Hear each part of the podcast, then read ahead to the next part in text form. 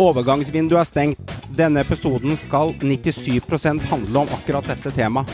Noen profiler har forlatt oss, andre har kommet til. Forventninger, håp og tanker om høsten har sivet inn hos supporterne der ute. La oss håpe det ikke ligger noen minus Mirkovic-kvalitet i bunken blant nye spillere. Han endte med tolv minutter totalt på banen da han pådro seg rødt kort mot Godset i perioden han spilte på Enga fra 1998 til 2001. Personen ble omtalt av investor Spetalen i etterkant. Han spilleren holdt norsk fjerdedivisjonsnivå. I dag tar vi tempen etter deadline day på hvert eneste lag i vår kjære eliteserie, pluss at vi disker opp med noen gjester på veien. Velkommen til en ny episode av Synseligaen.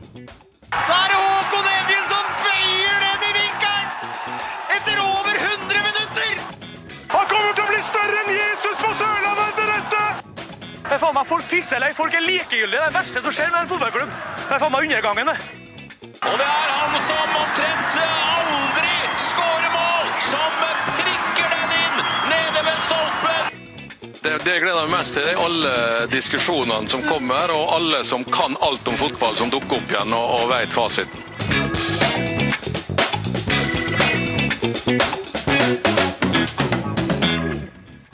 Som sagt, 97 av denne episoden handler om Deadland day og hvem spillere som har kommet og hvem spillere som har dratt.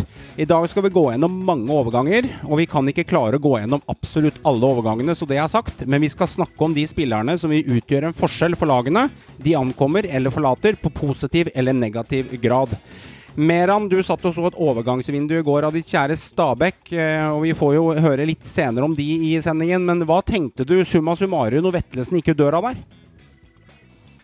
Jeg trodde jeg skulle drite på meg, for å være helt ærlig. Jeg var rasende, jeg var forbanna. Så har jeg sovet på det i natt, og så er jeg roligere. Men eh, altså I går så jeg, jeg holdt jeg nesten på å knuse TV-en min. Jeg forventa hodet til en eller annen på et eller annet fat.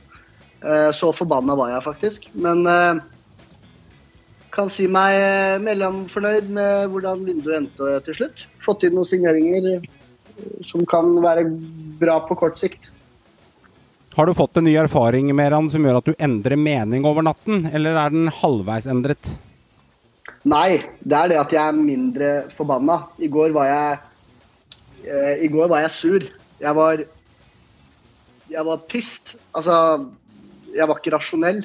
Forstår. Eh, fotball er følelser, det fikk jeg oppleve i går. Eh, jeg var forbanna, rett og slett. Så det er det at jeg har roet meg ned. Mm. Eh, det er vel egentlig slik situasjonen er nå. Du Håvard, du har sett at uh, Brann har jo handla litt grann, uh, kanskje ikke av de største navnene der ute, men det kan være kvalitet i de tre-fire spillerne de har diska opp der, inkludert en islending med x antall landslagskamper, som har allerede fått sin debut og spilt litt kamper for Brann. Altså, Fjolesson har kommet inn på en meget positiv måte. Det er et uh, step opp fra Vegard Forhen, eh, og ikke minst Bismar Acosta. Altså, Fjolesson er klassestopper. Han, har, eh, han ser jo er en, rett og slett en god fotballspiller som har spilt på høyt nivå og er fast i troppen til Island. Så han er jeg kjempefornøyd med. Og, og vi- vinduet generelt uh, syns jeg er uh, egentlig OK, men uh, jeg håper, jeg håper, jeg ber og håper at Fifa hjelper oss med Sanne Svendsen-overgangen, så den også kommer igjennom. For det tror jeg er en spiller som kan eh, heve Brann eh, ytterligere. Brann står på menyen litt lenger ute i sendingen, så vi skal innom ditt kjære Brann Strømsgodset. De har egentlig holdt igjen litt penger på kjøpespillere, men dere har jo diska opp noen millioner til å signere nye. Det er også en måte å bryte overgangsvinduet på. Sikre de poengspillerne eh, med Joakim i godset som kunne gått til andre klubber eh, når det, virkelig, når det virkelig brenner i gryta, og så har dere faktisk signa opp eh, ganske mange år på mange av de. Ja, jeg mener egentlig det er ganske riktig valg. jeg. Eh, var litt usikker. altså Selvfølgelig jeg, som veldig mange andre godsspillere, skulle vel gjerne sett at Hvalsvik Valsvik eh, hadde valgt den veien istedenfor den det han valgte. Men eh, en stopper hadde ikke gjort noe. Men generelt sett så syns jeg at strategien de har valgt er veldig bra. Det er en fornuftig, fin strategi. Eh, Og det viser jo at de, de tør å bygge videre på det de har begynt med. De tør å bygge videre på det laget de har begynt å sette opp nå bruke unge spillere og utvikle dem i klubben, istedenfor å hente inn, eh, hente inn noe som kanskje funker, kanskje funker ikke. Så i all hovedsak, det er viktigere å beholde de gode spillerne vi har, enn å få inn nye som kan fungere. Det er jeg helt enig i. Ja, litt annen vri. Altså, Overgangsvindu handler mye om det også. Sikre opp de spillerne, gutter, som, eh, som, sannsynligvis kanskje hadde gått til en annen klubb for en billig penge. Og så sørger man for at de blir i klubben sin og kan bygge videre på det. Så det kan være en smart strategi. Eh, så dere, så dere hele programmet i går? Jeg fulgte faktisk hele. Jeg skjønner at dere så mye av det, men fikk dere med dere hele seks timer i går? LAN på overtid i går, klokka to på tolv. Diskap som reine komikeren han var. Det var, jo, det var jo show uten like på Eurosporten her i går, når eh, Lars Arne Nilsen Håvard, den gamle Brann-trener, skulle plutselig nesten eh, avsløre en spiller på eh, rett over deadline day der. Det var litt spennende. Jeg syns det var en kul sending. Det var jo en grunn til at vi hadde lyst til å spille inn pod i dag. Vi måtte få med oss Deadline Day-sendinga og, og ta del i eh, vinduet, rett og slett. Og hva som eh, kom opp av hatten på Deadline Day. Det, var jo en ganske spennende sending, og det skjedde jo faktisk en del overganger. Det var jo nesten mer action i norsk fotball enn det var ute i Europa. Altså Hvis jeg, hvis jeg bare ikke overdriver, da, så, så var det jo litt, eh, en del store overganger, faktisk. Og jeg syns det var en eh, kul, artig sending. Og det var jo spennende helt til det siste, fra det gikk av, gikk av sending. Og som eh, du nevnte med Lars Arne Nilsen der, eh, dessverre så gikk jo ikke det. Men eh, det var mye sånn nesten. Og det var mye litt sånn eh, Jeg syns det var kul sending og, og bra, bra underholdning å se på. Så er jo Tyrkia blitt den store stedet man sender fotballspillere nå. Altså, Tyrkerne tror jo alt som kryper og går i Norge, klarer å skåre mål. Altså, det, Så dere, for, uten å snakke om Børven, en nevnverdig som spiller, for vi kommer tilbake til han, men så dere klart og tydelig den videoen tyrkerne har lagt ut av, eh, av eh, Børven? Det var jo en blanding av eh, De hadde gjort Game of Thrones med en blanding av Disney på hele greiene. Det så ut som en filmtrailer når du presenterte gutten, eh, Joakim. Ja, hva- det, altså, det var ikke så mye Det var jo det var Thor, da. Uh, altså, Det var ikke det var Disney, Thor med hammeren. Det var, Det var Thor jo, det er, det er jo, jo, det er jo Disney, Det er for Disney. så vidt. Vel å merke så er jo det Disney. Det er Marvel. Ja, Ja, Marvel og det er er, og det er Disney. Pluss for oss som følger med i timen. Så det er greit. Ja, altså, det er, er, ja, for all del. Det er greit, det. Men eh, det er, ja, det er noe det mest cringy jeg har sett noen gang. Altså. Ja, de, de Tyrkerne er jo sjuke i huet som presenterer spillere på den måten. Altså, det er jo helt sjukt. Altså, Torgeir Børven Trause Torgeir Børven, han må være rimelig ukomfortabel med å spille inn det der. Altså, det var jo helt galt, Mathias. Helt sjukehus. Det var kult, ja. Ja, det var jo artig vri. Men altså, det, det der skjer bare i Tyrkia, altså. Og ikke bare det, gutter. Så Eller i avslutter han Japan eller Kina. Og så avslutter han med en kaffekopp. Og vet du årsaken til at han avslutter med en kaffekopp når han sitter i den stolen sin? Torgeir Børven i kontrakten med Odd hadde egen kaffemaskin på stadion. Det holdt han på å få gjennom på Lerkendal i Rosenborg også, og det hadde han i Brann og Bergen, Håvard, men det holdt han på å få gjennom i Lerkendal og Men han overgangen rakk nok ikke det på den tida i RBK. han gjennom. Han rakk var ikke å få det gjennom i kontrakten sin oppe i, Trøndelag der. Eh, vi tenkte vi skulle ta og ringe en person som har jobba litt grann aktivt i den siste tiden med overganger. Og eh, det har jo vært litt delte meninger om eh, hvilken innsats innsats Torge- Torgeir Bjarmann har gjort her. Eh, og skal jeg se om jeg klarer å få legge han til i, eh, i, i poden vår, og se om vi klarer å få ringt han opp. Skal vi se her. Der der har, vi, der, har vi en, A- der har vi ikke Torgeir Børvin, som vi snakka om nettopp, men vi har en eh, Torgeir Bjarmann. Velkommen skal du være til podkasten Synseligaen for andre gang, Bjarmann. Jo, takk skal du ha. Det er veldig hyggelig å være med dere gutta. Herlig, herlig. Du, Vi satt og diskuterte litt med overgangene her. Vi tenkte vi skulle gønne løs på Stabæk først. Eh, Valsvik, RBK inn. Sturla Ottesen eh, fra Kjelsås, årets talent i Post Nordligaen. Markus Antonsson, Malmö, 24 mål på 78 kamper. Og Sami Skytte Glimt har jeg skrevet opp som eh, spillere inn til deg, Bjørnmann. Hva tenker du om disse? Eh, Nei, i forhold til at det er noen ut også, så er det jo eh, ganske fornøyd med vinduet. Sånn sett. Er, eh, vi har fått inn eh, eh, litt erfaring eh, gjennom eh, i hvert fall Valsvik og Markus Antonsson sånn på kort sikt. Eh, og Sami Skytte har jo skrevet lengre kontrakt. Mm. og er jo 23 år og har potensial til både utvikling og for så vidt eh, blir salgsobjekt eh, litt senere. Eh, Ottesen er kommet inn, er jo en spiller vi har god kontroll på lenge, så sportslig. Og så nå var det tror jeg det er rett tidspunkt for han å prøve seg høyere opp enn på Snor. Han er 19 år, født 01. eh, Fast på det 01-landslaget. Der spiller han mistoperert igjen. Mens eh, på Kjelsås har han spilt høyrevekk i stort sett alle kampene. Så I første omgang er det høyrebekk han skal eh, konkurrere med hos oss, og så får vi se om han blir eh, eventuelt en mistoppekandidat etter hvert. Men han hadde god trening i dag, kom godt inn i det, så det ser veldig lovende ut. Mm. Eh, Markus fra Sverige der, det er jo litt spennende. Skårer i hver tredje kamp han spiller. Eh, du sier du har god kontroll på han. Var det stor konkurranse om å få han til eh, vakre Nadderud? Nei, eh, Nadderud har lett for å tiltrekke seg profiler, så eh, og det er ganske vakkert der når det er mørkt rundt der og flomlys og sånt, så det, det er bra det. Men også, og det er gress selvfølgelig. Så, men han Vi har jo for så vidt søkt spiss hele veien. Um, utenfor vinduet. og Selvfølgelig dette vinduet har vart helt siden det ekstra vinduet før sesongen starta. Mm. Så, um, og nå var det sånn at han spilte fram til juni, vel. Sånn når, ja, mer eller mindre i Malmö. Og så har det vært litt stille med spilletid etter der for han. Og da passa det fint nå å komme til, til Stabæk, hvor vi trenger en nier. Uh, vi har jo noen spisser, men vi har ikke en erfaren spiss som vet hva det dreier seg om. vi har Koske, som er, er, jo litt eldre, men fremdeles i utvikling. Botheim på lån fra Rosenborg for å teste ut potensialet, egentlig.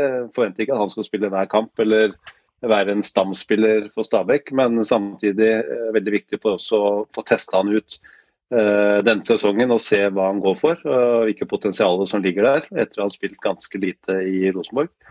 Uh, ja, så har vi der Madsen som kom inn. Han spiller både kanter og, uh, og spiss, men bekler like greit en kant hvis det er om å gjøre. Så Pluss at vi har Cornelius, som er Norman Hansen, som er vår toppskårer, egentlig. Da, med fire mål og fremdeles juniorspiller. Junioralder.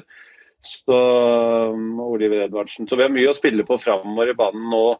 Eh, men eh, den, hvis Markus Antonsson er i normal form og kommer fort inn i dette, så, så ligger vel han an til å bli en etablert eh, toppspiss for oss. Eh, Torgeir, du har jo henta en del spillere nå, som du har nevnt. og Dere har jo en del å velge i, eh, i på topp nå, men eh, du har jo da Antonsson og Botheim på lån. Madsen, ja. er han på lån nå, eller er han permanent? Han er permanent, det er bare ut året. Uh, ja, det er jo mer for å teste spillerne, samtidig som ja. det er jo økonomi med i bildet her. Og i og med at de er under 183 dager i Norge så er det mulig å matche lønn uh, eller en liten periode for lav skatt. Uh, og så vil det bli skattesmell hvis vi klarer å beholde dem lenger, men da vet du at det er en forutsetning eh, eventuelt. Så vi men, håper f.eks. at Markus Samtonsson kan bli noe som vi kan beholde, hvis han trives ja. og vi syns dette er bra. Fordi jeg tenkte, Blir det litt for kortsiktig? på en måte Er du redd for det? For Du må starte på scratch igjen til 2021, når du mister kanskje tre spisser? da? Ja, også, men det er viktig å være fornøyd med spissen. da. Ja. Uh, alle i hele verden leter jo etter nummer ni, eh, nummer ni, uansett hvilket nivå man snakker om. Om det er uh, breddefotball eller om det er uh, toppfotball, så er, er alle leter etter spiss. Så nå får vi teste ut de her, og så får vi gå. Vi starta jo, eller når jeg ble ansatt i Stabekk, og jeg begynte jo i mai, så var det jo to spisser der. Det var Koske og, så det var, og Fiti Masemi. Det var de to toppspissene så, som man starta med når jeg kom inn. i hvert fall. Så det har vært store eh, for så vidt rokeringer og eh, kalle litt tetting av hull eh, nå denne sesongen. Eh, for det er jo lite spillere tilgjengelig. Eh, og så er det karantenetider og det er eh, serier som har slutta tidlig og utrente spillere. Og, så det er en helt unormal sesong på alle måter. Også på det å hente spillere. Så Eh, det er også grunnen til Vi visste jo, vi har jobba med Valsvik en stund, men eh, f.eks. Eh, han er rutinert, han er norsk, kan gå rett inn i treningsgruppa. Vi vet akkurat hva vi får. Istedenfor å Jeg vet ikke de som så på deadline day i går, at vi har vært i dialog med Inge André om en dansk mistopper som koster vesentlig mer, men så er det uh, usikkerhet uh, med hensyn av uh, å kjøpe en siste dag, det er eh, ofte veldig dyrt. Og mm.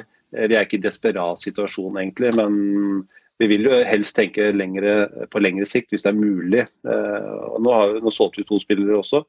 Det gjør jo at vi står godt rusta til neste vindu. Eh, til å kanskje kunne plukke litt mer de spillerne vi ønsker på lengre avtaler. Men klart, hvis du snur klokka tilbake til mai-april, når vi snakket sist, så du har en toppskårer med fire mål, eh, Torgeir, med antall skåringer for klubben. Det er, og mange spisser inn der. Hvor, hvor lang tålmodighet skal man ha før man begynner å se at eh, unnskyld meg, men vi er nødt til å nærme oss tosifra på en, en spiss i Stabæk som dere er vant til fra tidligere å ha nok av? Ja, altså, nå har vi ikke hatt tid til å lage noen stort sett egne spisser, eh, unge eller fremadstormende spisser, men målet er jo å finne det, samtidig som Cornelius, eh, som er toppskårer. Det er greit eh, at det er kanskje feil at han er toppskåreren, eh, men samtidig han er 19 år og har et enormt potensial til å skåre mål. Han er den som skaper mest sjanse for oss hver gang han spiller. Mm. Så vi har jo for så vidt funnet en som kan bli en toppskårer, men samtidig Vi har jo skåret nok mål til å få poeng, og samtidig vi har skåret like mye mål som mange av de andre på tabellen. Så, men det har vært veldig fokus på at vi mangler en spiss. eh, Men da tror jeg veldig mange andre mangler en spiss òg. Men vi håper at Markus Antonsson kan være en som i hvert fall kan eh, være med å bidra til at eh, både han skårer, men også at vi må jo si at noen kamper Vi, vi starta ok sesongen, men en del av kampene etter hvert har jo ikke vært drømmerollen drømmerolle for en spiss hos oss heller. Eh, vi har ikke vært eh, sånn veldig mye inn i 16-meteren til motstanderen ofte. Så det henger litt sammen med resten av laget òg. Eh, at ikke noen har skåret mer, da. Men er du litt redd for at det samme kan eh, skje som i fjor? At uh, f.eks.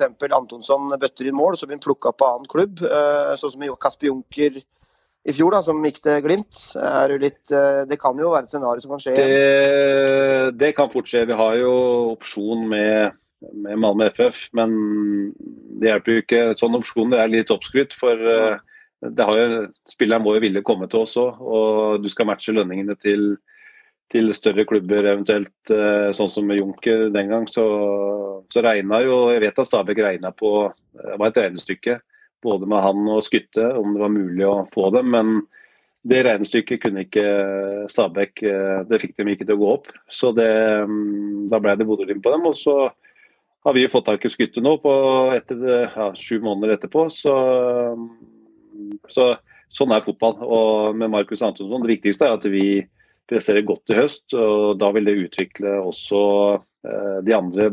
Oliver Edvardsen blir bedre. Eh, Cornelius, eh, Kai som har kommet inn som et eh, ungt, realt pust der, som blir en kanonspiller. Så er det eh, rutinerte spillere skal hjelpe. Så det kan Balsvik gjøre på kort sikt. Hjelpe eh, yngre spillere til å utvikle seg. Men viktigst er å få poeng, sånn at vi sikker plass og kan se oppover og planlegge neste år.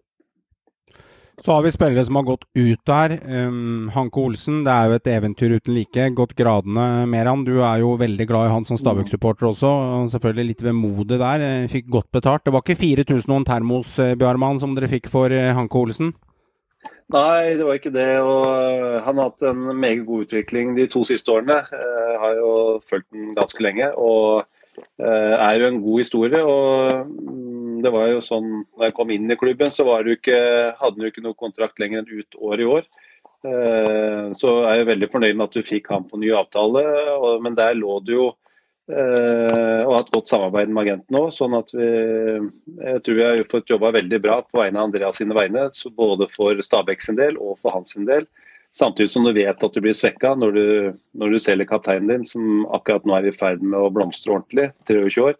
Så er det klart, eh, skal du ha resultater i Eliteserien eh, og si at vi skulle gått for medalje nå, eh, så kan du ikke selge kapteinen din i dette vinduet. Da hadde du venta til seinere.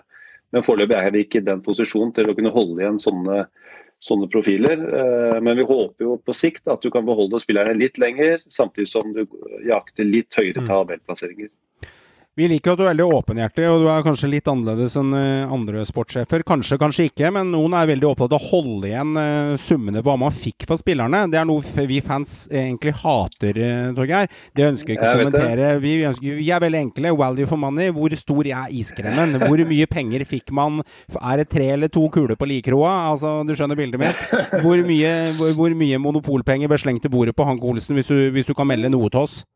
Nei, jeg kan jo egentlig Det står alltid at det er konfidensielt vet du, på alle sånne alle ting du signerer på. Det her er bare mellom oss fem. Det er ingen andre som hører hører den hva- poden her. Jeg, jeg har aldri prøvd å se hva konsekvensen er hvis du bare går ut og sier summen direkte. Da gjør vi det. Men eh, jeg ser jo Hva skal jeg si? Ja, det blei bra betalt. Eh, Det var jo noen som spekulerte Hva var det var spekulert i? Så kan jeg gi en pekepinn, i hvert fall. 8-9 millioner. 8-9 millioner. Det var 800 000 euro, var det det du har spekulert i, eller? Ja, mellom et sted der. Hva- hva- Kan du gi oss mellom to, eller? Er det mellom 700 til en million euro? Nei eh, Det er vel for så vidt mer enn det, vel.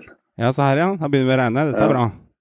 Ja, Det er bra. Så, ja, altså Men eh, det var flere klubber interessert òg. Så Mm. en periode så det ut som jeg skulle klare å få solgt den og samtidig beholde den på lån ut, eh, ut sesongen. Eh, men det var bare når det var én klubb på banen. Når det Mm. plutselig kom to og tre, da forsvant, forsvant det scenarioet helt ut. Og det var faktisk nesten sist fredag, torsdag. Torsdag sånn, så kom det Da gikk det Så vi, vi kunne jo ikke hente inn en en, ja, si en annen eh, etablert mistopper før det, for da Mm. ville det sett veldig dumt ut. eh, Og kosta masse penger med, hvis vi hadde klart å beholde, for alle ville jo beholde Hanke ut, Mm.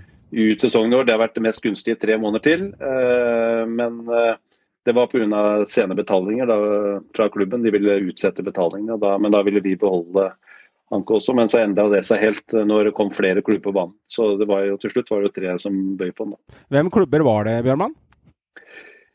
Men eh, da skal jeg lære deg noe. ting, eh, For um, hvis du sier hvem som ikke fikk, uh, så henger du dem litt ut og så lar dem ligge litt i forlegenhet. Oh, ja. uh, Så det er sånn kutyme at du uh, Det har vært spekulert en del klubber, men du skal liksom ikke for så vidt henge ut den som ikke fikk spilleren. Uh, okay. med å si at, uh, Så du pleier ofte å være litt forsiktig med å si hvem som har vært med i budrunder og sånn. Mm. Men det har vært spekulert i noen klubber, og dem hva er det de pleier å si? Ingen kommentar, men det stemmer det? Det, det er fint, det, det stemmer det. Ja. Men, men, Ja. men det, det var, du, du fikk i hvert fall eh, 900 000 til en million euro cirka for Hanke Olsen, eh, pluss minus rundt der et sted.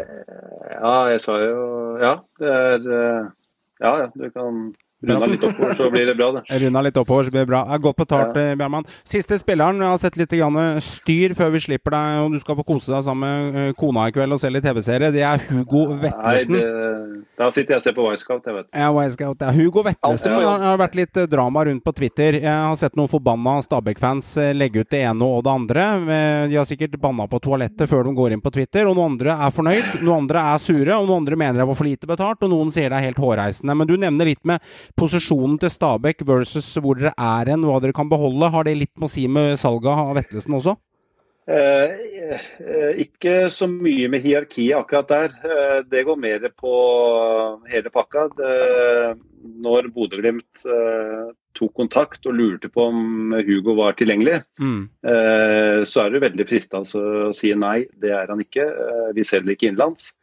Eh, men Hugo er en eh, kjernekar, har vært i Stabæk lenge. Gjort veldig mye bra for Stabæk, eh, både på banen og ekstremt mye utafor òg. Så han fortjener å liksom få Han er ett år igjen til kontrakten går ut.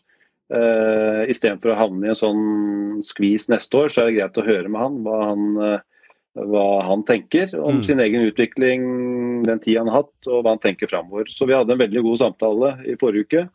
Hvor eh, vi løfter opp og prater om interesser av Bodø-Glimt. Eh, og konklusjonen av det møtet var i hvert fall at vi skulle eh, vi skulle gå i forhandling med Bodø-Glimt og se hvilke muligheter som lå der, men det var ingen lovnader om at han skulle få gå hvis ikke, hvis ikke det budene var høye nok. Og det var Hugo hadde ikke hatt noe problem med å spille for Stabæk lenger, men samtidig han var veldig opptatt av utvikling. Og nå har han vært lenge i Stabæk, siden tolv år, som han sa. og vært på Nadderud der, så noen trenger miljøskifte for å ta et nytt steg. og Vi selger jo selvfølgelig ja, Vi liker absolutt ikke å selge innenlands, og du vet når Hugo har sagt at du ja, vil gjerne at vi ser på muligheten med Bodø-Glimt og eh, se om vi kan bli enige, så vet du idet han sier det, så vet du at dette har blitt trøbbel den dagen du Eller i hvert fall mye tumulter. Den dagen du trykker på knappen og sier at du aksepterer et bud Det vet du før prosessen begynner. Okay. Og du vet når, når det kommer ut at uh, han lander i Bodø og skal se på forholda, så, så, blir det i Texas. Men uh, dette er uh, noe vi alle ble enige om. At det har vært gjennom styrebehandla, og det har vært for det er en spesiell case. Mm. Så, men så er vi ansiktet utad, så så, og at folk ikke liker det, det forstår jeg veldig godt. Eh, men jeg syns Hugo har vært veldig flink i media eh, til å fortelle hvorfor ting har skjedd som det er. Og han har hatt en fantastisk tid i Stabæk, og han kommer helt sikkert tilbake når ja, en eller annen gang eh, ute i karrieren. Så er jeg sikker på at vi plukker han tilbake igjen, og han skal helt sikkert spille blått på et eller annet tidspunkt. Hjertelig takk, Meran. Du skal få lese noen ord om Hanke Olsen og si litt om han før du closer, for du har jo forkjærlighet i hjertet ditt for han. og Bjarmann kan jo høre på det og, og etterpå trekke seg rolig tilbake. Tusen hjertelig takk, Bjarmann, for at du stilte opp i podkasten Synseligaen, og du har gjort et fint vindu. Det er mange spennende spillere som kommer til å prege høsten på Stabæk. Alt hyggelig å være med. Meran, ordet er ditt om Hanke. Nei, altså Torgeir sa det i stad, eh, det, er en veldig fin historie. da. Og Han kom opp fra akademiet og spilt der siden 2016 og i parlaget og fikk kapteinspinnet som 21-åring med veldig mye ansvar. Fikk eh, egentlig et veldig enormt ansvar. Og vokste veldig på det. Har jo selvfølgelig hatt opp- og nedturer, men å kunne se utviklingen hans da, og se hvordan han vokste på den rollen, både innad og utad, for så vidt for Stabæk, har vært helt enormt. og Det er ingen som har fortjent den muligheten mer enn mer enn Hanke. da. Og Det blir faktisk en fryd å se han dra til Europa og lære Europa bokstaven æ. Eh, han kommer til å sette Stabæk på kartet så til de grader, for det er en perfekt rollemodell og frontfigur for Stabæk. Og ønsker han masse lykke til. Herlig, herlig. Da går vi videre. Torgeir Bramann, kos deg masse. Takk for at du var med oss i dag. Takk skal du ha. Ha det. Hei. Ha det. Ha det bra. Hei, du hører på Synseligaen av fans for fans. Mitt navn er Yao Mankwa, midtstopper i Stabæk. Og hvis du lurer på hva som foregår i klubbene, tabbene, målene, og ikke minst har lyst til å høre fra profilene i Eliteserien, så er dette podkasten for deg. Gutter, jeg hopper rett til eh, bunnen av Eliteserien, og vi starter i bånn. Vi skal gjøre et eh, maratonløp uten like. Vi skal gjennom nå 15 klubber, pluss at vi skal ringe opp en gjest til. Jeg nevner ikke hvem gjest det er før jeg ringer, eh, karer. Dere veit jo selvfølgelig hvem det er, men lytterne får vente litt med å høre hvem det er. Da er det bare å rulle på. Ålesund. Jeg har skrevet opp Ben Karamoko Haugesund Lån og Kasper Jørgensen fra Lyngby. De har også permittert kontrakten til Jordan Mutch det var ingen suksess, Håvard. Og Holberg Fridjonsson stikker ned til Brescia. Daniel Gretarsson, som var årets spiller i Obos som, eh, som forsvarsspiller i fjor, han eh, stikker en tur over til Balløya til, eh, til Blackpool. Jeg syns det er litt merkelig inn, og jeg syns det er litt merkelig ut. Og de ser faktisk ut som en veldig, veldig stor taper her. Ordet er ditt, Håvard. Jeg syns jo at uh, for så vidt at Ben Karamoko det er en, uh, det er en grei uh, eliteseriestopper som havna litt bak i køen i Haugesund og har slitt også med skadeproblemer. Så han nuller vel ut Gretarsson kanskje litt pluss på Karamoko der, for Gretarsson har vært direkte svak i år. Sammen med resten av stopperne til HFK. Så Den syns jeg for så vidt er grei. Kasper Jørgensen veit jeg lite om. når du da selger toppskåreren din som du på en måte kanskje var tvunget til å selge på en måte for å tjene litt penger. da. Ellers så mm. måtte du tatt det valget og stå med Holmbert uh, ut sesongen og, og satsa på at det holder. Men nå ser det jo på en måte fortapt ut. Kanskje det er litt sånn de tenker, at de tenker rett og slett litt innad Obos nå. Og at på en måte det, nå får vi tjene litt penger på Fridtjonsson mens vi ennå har mulighet. Men det var jo en spiller da, på overtid der eh, som da var Torbjørn Kallevåg, har det jo kommet fram til med, fra LSK.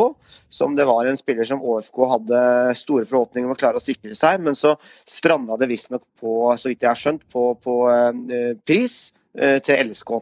LSK var ikke fornøyd med prisen, og de ville beholde spilleren. For han er jo en viktig spiller for LSK, og har spilt så å si fast der i hele år. Men eh, så vinduet til Ålesund det er jo litt krise, egentlig. Eh, jeg har, ikke, eh, har mista toppskåreren sin, soleklart toppskåreren, og ikke styrka seg noe offensivt. Så det blir Obos neste år, det er jo helt sikkert. Ja, altså, jeg vet ikke, altså, kalle krise syns jeg egentlig litt, litt eh, overdramatisk. fordi poenget er, og Det er litt med situasjonen de er i.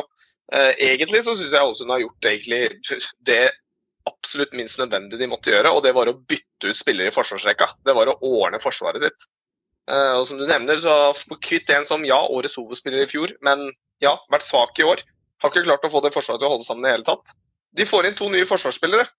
Det, altså det, hvor er det du skal ta det, da? Det er der du må ta det. Du må tette igjen bak.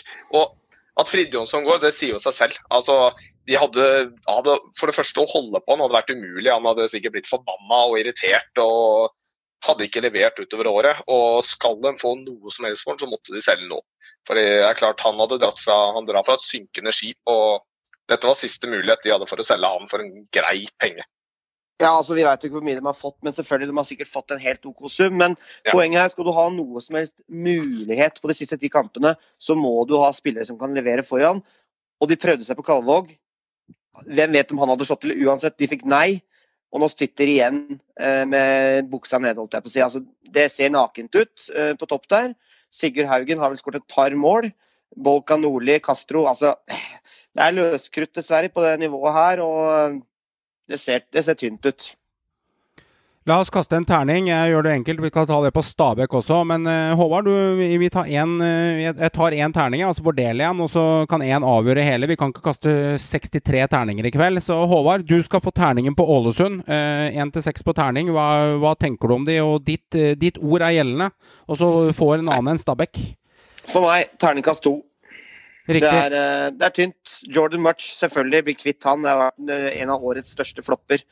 Men eh, nei, Ålesund eh, ser for meg svekka ut. Meran, eh, etter at du snakka med Bjarmann og gikk igjennom, hva setter du terningkast på, på Stabæk sin inn og ut totally? Ordet er ditt, Meran.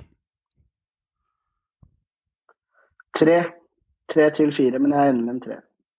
Den er grei. Det er litt bitterhet her, og så er det Du føler Jeg skjønner litt hvor du er hen. Ja, men vi må se på de nye. Vi må se, vi må se Mm. hvordan det slår ut. Vi må se hvordan Antonsen slår ut også. Så Mm. det foreløpig kan vi bare si en tre. Ja, jeg hadde ikke tatt samme terningkast, men det var ditt terningkast, så treer er registrert. Mjøndalen, eh, Mjøndalen De brune, Joakim! Vi tar- starter hos deg der. Og Isak Tvum, altså Kjapt eh, Det er ikke mye rom. Bra, bra fyrstikke på han på midtbanen der, og han, er, han har trommestikker som går, og han eh, er litt sånn derre nåtidens Christer Isaksen eh, i gamle dager på 90-tallet. Og A Ole Amund Sveen fra Bodø-Glimt inn, og så har du Alfred Schriven som drar på sitt 70. lån til Asker. Og Magnus Backen til, til Notodden ut der på lån. Men eh, det er to spillere der som har blitt prata mye om, eh, Joakim. Det er Tum og Sveen. Eh, hva tror du de kan bidra med? De har allerede hatt noen kamper for Mjøndalen. Eh, nei, altså Sveen, det er jo Altså, det, jeg bare syns, jeg syns det er helt stusslig. Jeg syns det er skikkelig stusslig. Henter en 30-åring inn for å redde en klubb fra en krisesesong. Eh, eh, for å være helt ærlig, overgangsvinduet for Mjøndalen for meg, det, det er Det virker som uh, gå, altså spille på gamle strenger. Uh, for all del ikke å prøve å finne opp kruttet på ny. Eh, vi satser på at det som funka i 2016, 2017, 2018, vi satser på at det funker igjen. Eh, og så bare ruller vi videre og ser hvordan det går. Eh, jeg syns det virker så tiltaksløst. Utrolig tiltaksløs klubb. Og det, det er som virker rart som en godssupporter å si det, eller ikke rart, da, men vi kan virke litt sånn feil. Men nei, det virker så tiltaksløst at det er grenser til flaut. Jeg er ikke enig. Jeg syns Isak Tvum som en defensiv ballvinner, ballfordeler eh, Han er en god spiller. Han vil heve det Mjøndalen-laget. Det, det, er jeg ganske sikker på. Han, han, det som er sjukt, er at Start selger han til en direkte konkurrent. Og når han først begynte å få Det er en opp grunn til det, da, Jo, eventuelt. jo, når han først får opp dampen Nei, det er ikke det, skjønner du. Det har med penger å gjøre. Fordi eh, de hadde ikke muligheten til å beholde den, og han ville også bort. Eh, Det er Men da er det grunnen. veldig- Det er det grunnen Ja, det er Joakim påpeker. Penger er ja, ja, grunnen. men det er klønete håndtert av Start, mener jeg. Eh, mener jeg. Eh, jeg syns heller ikke at Ole Amund Sveen er noe elendig overgang. Det er en spiller som kom fra laget. Han er, kommer fra en vinnerkultur i Bodø-Glimt. Han har riktignok ikke spilt så mye. Det er en litt undervurdert spiller som er faktisk helt OK. Men det som ikke Mjøndalen har klart å hente, det er det den trengte aller mest. Og det er jo en spiss som skårer mål. Det er, eh, nå er Shuaibu Ibrahim ute med skade en god stund. Da sitter de igjen med Brustad Liseth, som er vaksinert mot å skåre. Det er der det skorter ekstremt hos MIF. De måtte få inn en spiss, og det klarte de ikke. Det var, eh, som jeg har sagt lenge, det, det burde være Mjøndalens hovedprioritering dette vinduet. Det klarte de ikke å hente. De har nok prøvd. står måte, de har prøvd, selvfølgelig. Det kom jo egentlig fram. Ryktet som om Fardal Opseth, som var, eh, som var i samtaler, men klarte ikke å lande. Uh, og eh, Det tror jeg er en spiller som kunne vært bra for MIF, men nå står de igjen på bar bakke på topp og må sette sin lit til de som er der fra før. og Det tror jeg ikke holder. For å forsvare Mjøndalen litt, da. Nå har de sett at kanskje spissen ryker, og de får ikke det til å fungere. Ja, men da prøver de i hvert fall å, å skape gode nok spillere eh, i Tum og Sveen til å få til, få til eventuelt et eh, mer spillende lag, da. Som sørger for at de får produsert nok for spissen sin. Så de har jo prøvd noe. Det er jo ikke sånn at de sitter på ræva på konsto og gir faen. Det er jo ikke sånn det funker. Eller hva tenker du, Joakim? For du er ganske hard med kniven her. Jeg, det, nå er jo ikke jeg den eneste. da. Jeg har jo sett litt rundt hva både ganske mange MIF-supportere og alle andre mener om dette vinduet. Mm. Eh, det, og det er ikke mye positivt. Eh, og mye av det er jo som det, det, altså, eh, spillerne du nevner, det lukter ikke akkurat hav av målpoeng av disse to her. Mm, okay. Det, det er ikke her, De har ikke forsterka det leddet de, de har forsterka leddet der de sliter. Mm. Altså, De kommer ikke til å skåre mer mål. Eh, kanskje de klarer å snøre igjen bitte litt mer bakover i ny og ne, ja. Men det lukter så lite svidd Mm. uh, av noe som helst. Uh, så nei, jeg mener det er skivebom. Jeg mener det er komplett skivebom. De burde heller fokusert på å ordne laget sitt offensivt og få inn spillere som skaper målpoeng. Det er det jeg mener. Terningen er din, Joakim. Hva kaster du? Altså, to ut og to inn. Få samme som Ålesund. To. Ok. Start de kasta jo ut Isak Tum, trolig pga. økonomi, eller kanskje de ikke mente han var god nok. Det er vanskelig å si. Det kan være flere årsaker til det. Afus Aremu stikker til St. Paul i Tyskland, men de har Bolanjos og Mohammed El Makrini. Og Makrini med han har jo du snakket eh, i hvert fall eh, i Synseligaen internt. Når vi prater på Snapchatten sammen, så har du vært eh, positiv til han. Kommer fra litt skotsk mentalitet her. Og Bolanjos, han elsker jo alle. Hva tenker du om det Start har gjort? Og de fikk jo virkelig utløsning i forrige match, da de fikk eh, nettet fullt med skåringer.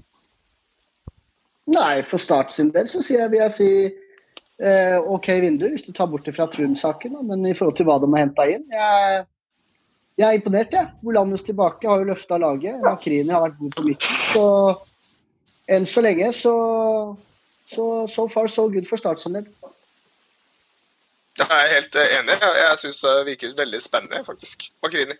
Jeg syns jeg hadde vært eh, innom altså, sånn type sånn spiller som kommer til sånn start og lag som er i de nede alle, som har vært innom masse morsomme klubber i karrieren og gjort seg som en merka litt her og der. Eh, Absolutt mye mer spennende enn mange andre. Ikke noe ungtalent akkurat, men eh, for all del litt erfaring kan det godt hende det startlaget har godt nytte av. Altså Start eh, har jo blitt litt slakta av eh, såkalte eksperter. Eh, Jeg er ikke enig. Jeg syns at vinduet til Start er OK, hvis du ser bort fra Tum-Tum-saken som vi er inne på. Men Makrini, sånn isolert sett, så er jo det en spiller som kanskje hever Start på midtbanen. Han har, som Joakim sier, lang erfaring på både nederlandsk, dansk og skotsk fotball. Og fikk sitt første mål nå forrige runde, og, og er en spiller som har levert ganske bra. Og jeg syns Bolanos, selv om han drar på åra, det er en kvalitetsspiller fortsatt. Han har vel allerede levert flere assist og skåra mål, eh, og han viser at han fortsatt har det. Men eh, jeg mener jo også at eh, Start burde fått inn en spiss. Fordi de har på topp, de holder ikke mål, rett og slett. Ramsland sliter ekstremt med kroppen. Skålevik er vaksinert, og de andre gutta der er også i samme gate. Så Start også sliter, men nå løsner det jo da veldig forrige kamp. Så de, et, de er jo et hestehode foran eh, MIF nå. De, de leder med, med fire poeng, hvis jeg ikke tar feil. Så Start er jo førersetet, og vinduet til Start ser ikke så gærent ut. eh, Det gjør det ikke, men jeg det er jo tynt på topp der også, som det er i mange andre klubber. Hva tror du er eh, årsaken til at det løsnet nå plutselig, selv om de ikke har en spiss, som du sier? Nei, det, det er vanskelig å si. Altså, Start har vært nære i mange kamper. Eh, grunnspillet deres har ikke vært så gærent. Eh, nå har de kanskje fått inn eh, litt de spillerne som da kan bikke det, den seieren i, i favør Start. Da. Og Eirik Schulze er jo en spiller som har vært god, og han fikk jo skikkelig Hadde en kjempekamp nå, skårer to fine mål. og og, og, er en god spiller. Så det er jo litt talent i det startlaget, men, eh, men eh, det blir en kamp om å overleve, naturlig nok. Jeg ser ikke på noe start, start at de kan ta mange byks oppover. Det blir snakk om å, å holde seg og eventuelt klare den kvaliken, eller, eller, kanskje til og med komme seg over den, da. Men i motsetning til de to andre lagene, så er det som vi har vært gjennom dette hele år, så har alle sagt at Start er det laget som har sett best ut av de dårlige, og det har de gjort hele år. Mm. Og Det er også det laget som trenger minst, og jeg tror det er det som er litt av grunnen. Bolanjos, jeg tror det var, det var bare en liten vitamininnsprøyte de trengte. Ja. Uh, El Makrini kan være en ny en, og da, sånn isolert sett, så tror jeg Start eh, kom best ut av de tre lagene i bånn. Uh, kan det virke som i dette omgangsvinduet. Det startlaget trengte rutine, for det hadde mm. de ikke mye av. Og det er viktig med erfarne spillere inn i den garderoben der, tror jeg. Yes. Uh, som kan på en måte stå opp litt, være en stemme i garderoben. Og, og, og, dette her er erfarne spillere som har spilt på høyt nivå. Ja, for at man snakker om man trenger en spiss Jeg forstår da at man snakker om man trenger en spiss, men sånn som Bjarmann sa også for 14 minutter siden Altså, det er, alle trenger en spiss. Alle vil ha en som skårer ja. mål. Og Stabæk har jo Toppspissen deres mer, han har jo skåra fire mål i år. Og Stabæk er et godt stykke foran start på tabellen. Men det er fordi de har andre kvaliteter i laget sitt. Så man kan finne veien til Rom, eh, Meran, uten å ha den spissen som skårer mye mål. For å ta et annet lag som ligger på andreplass på tabellen, Rosenborg. De har ikke noe spiss som skårer mye mål, de heller, men de er på sølvplass. Men det er fordi de har andre ting i laget som skaper poeng. Så det er mulig å finne fram til Roma, Milano og Napoli, for å bruke italienske uttrykka, uten å ha stjernespissen. Men da må man trylle andre steder. Og Start fikk jo 4-1, var det ikke det de vant sist gang nå? Og fikk til en skikkelig storseier, hvis ikke jeg husker helt galt, og det, det skal de ha kred for. Meran, du skal få lov til å sette en eh, terning i, i eh, margen på start her, og hvilken terning kaster du ut da når du ser på Bolanjos eller Makrini, men Aremu går ut for litt siden, og Tum går ut. Hvilken terning gir du Start? Jeg gir dem en, eh, ja, en sterk treer-firer, kanskje, i forhold til forutsetningene. Så vil jeg si en firer. Da blir det en firer. Da blir det en firer til start. Det er ikke så halvgærent. Bodø-Glimt, de eh, Hva skal jeg si? Casher inn 55 eh, millioner pluss kanskje noen ekstra avtaler i bordet. Sveen går til Mjøndalen. Det blir jo en liten fisk i den store sammenhengen. Så snakker om Jolpe Hauge versus han. Noen drar til Milano, Håvard, og andre de drar til Mjøndalen. Hva tenker du om det bildet du ser av Bodø-Glimt med Vetlesen inn? Eh, Leikvoll Moberg kommer fra Silkeborg, og Runar Hauge overtar. Altså broren overtar etter, etter sjefen sjøl? Altså, du klarer ikke å erstatte Jens Petter Hauge. Han er kanskje årets eh, beste spiller. Men uh, signeringa av Hugo Vettelsen, det, det, er jo et skup i mitt hode. Det er en spiller som er, som er 20 år, som har stor, lang erfaring allerede i ung alder. Er kvikk, teknisk, passer inn i måten Glimt spiller fotball på. Det snakkes om tre-fire millioner, eller kanskje rundt tre, og det er for meg et kjempeskup. Piss Ballesund! vanvittig bra hent av Bjørkan og, og gjengen i, i, i Bodø. Og så syns jeg også at det er um, helt OK å hente en typisk squad player i Moberg, som er en litt sånn Kjetil Knutsen-favoritt, som han har hatt i Åsane osv. En spiller som er anvendelig, og du veit hva du får. Eh, og det laget her kommer til å vinne seriegullet og spasere inn til det seriegullet. Og så har, henter du hjem da Mini Hauge, som også kan ta litt steg. Hatt eh, et bra utlån i Grorud, fått mye spilletid. Og da tenker jeg at på mange måter det Glimt-laget der, det, det, her holder for de.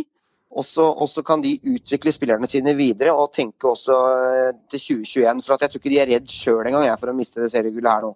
Og den summen de får for Hauge, vanvittig sum. Altså det er topp tre signeringer ut av Norge gjennom tidene. Mm. Ja, Det oppsummerer egentlig hele vinduet til Bodø-Glimt. Gjort god butikk i form av salg, gjort god butikk i form av å hente erstattere til en rimelig penge også. Så det er, dem de er på jobb. Absolutt. Det er det. Jeg vil gå, jeg vil gå så langt som det er perfekt. Det, det er perfekt mm. vindu. De har null mm. behov for å bruke penger på noe, ja. på noe mer. Så det er et helt perfekt vindu. Men hvis du ser dette i perspektiv, eh, Meran. Du nevner jo stadig vekk her, Meran, at, eh, at uh, det er en uh, patetisk sum som Vetlesen går til Bodø-Glimt for, for småpenger. Uh, uten at du skal hisse deg opp, Meran. Men Sami Skytte er, lager litt rabalder i Bodø-Glimt-garderoben, og så er han ikke ønsket velkommen lenger der, selv om de hentet han. Og da gjør Bodø-Glimt det eneste riktige, Meran. Og det er at de selger han sannsynligvis billig tilbake til eh, Stabæk, fordi at de finner ut at han er ikke tilpasningsdyktig i, oppå Aspmyra. Og da tenker jeg Bodø-Glimt gjør det riktige, men du sitter jo bitter tilbake og tenker at Vetlesen gikk billig. Altså, er, er, du ikke litt for krass over kniven her nå? Nei, Det ryktes at det var i en form av byttehandel, men uh, det er jo spekulasjoner, da. Men jeg jo, jeg er fortsatt bitter. fordi det, det har noe med at Men du skjønner poenget mitt med det jeg sier? Ja, men du skjønner poenget med det jeg sier. Det er litt hierarki over det her òg. Jeg skjønner jo Bjarmas argumentasjon for å selge den også.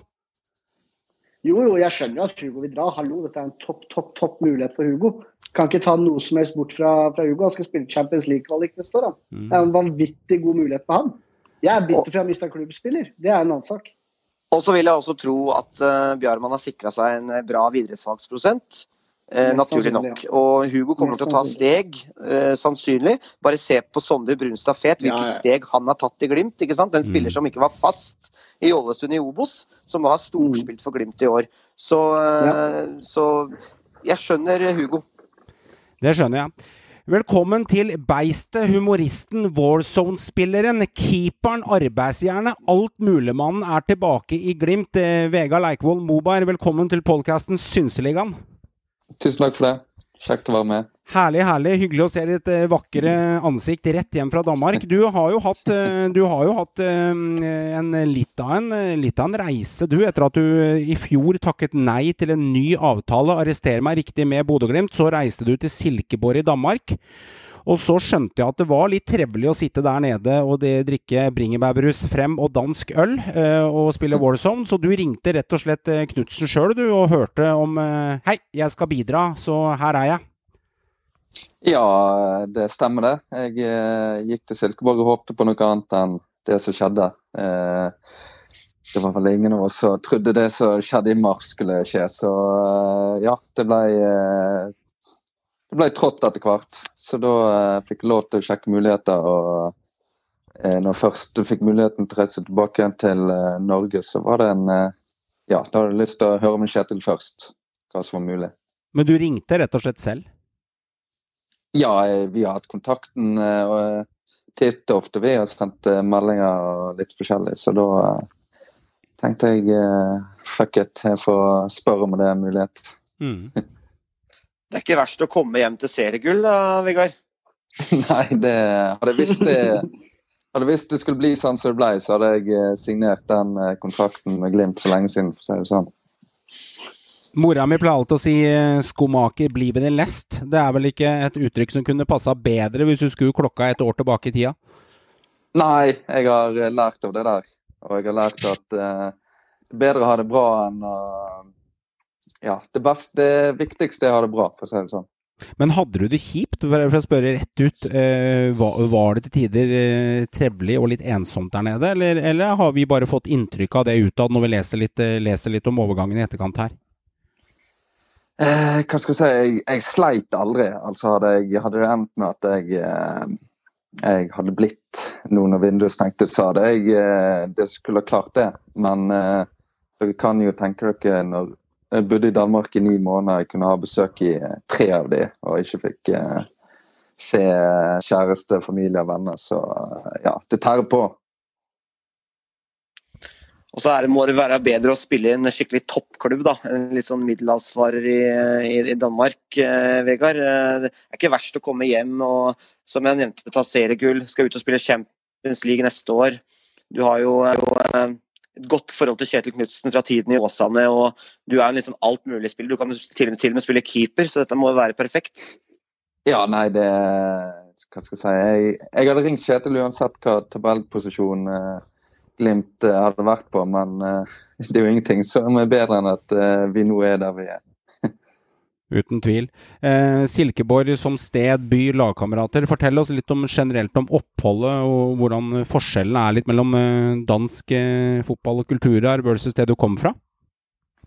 Eh, Det er sånn sett ganske likt. eh, Litt eh, med trenertypen, litt mer Ja, ikke Hvis du skal sammenligne med Kjetil, ikke like motiverende på samme måte. og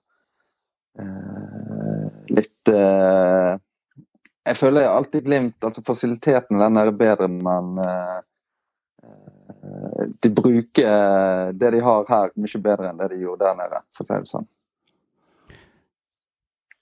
Når du nå vender hjem, uh, Vegard, hvor er det du uh, ser for at du skal konkurrere? Er det inn og konkurrere på trioen på midten, som har spilt så å si fast i hele år, eller er det, eller er det opp og nikke litt og spiss, eh, spissplassen igjen, og, eller hva er det du ser for deg selv?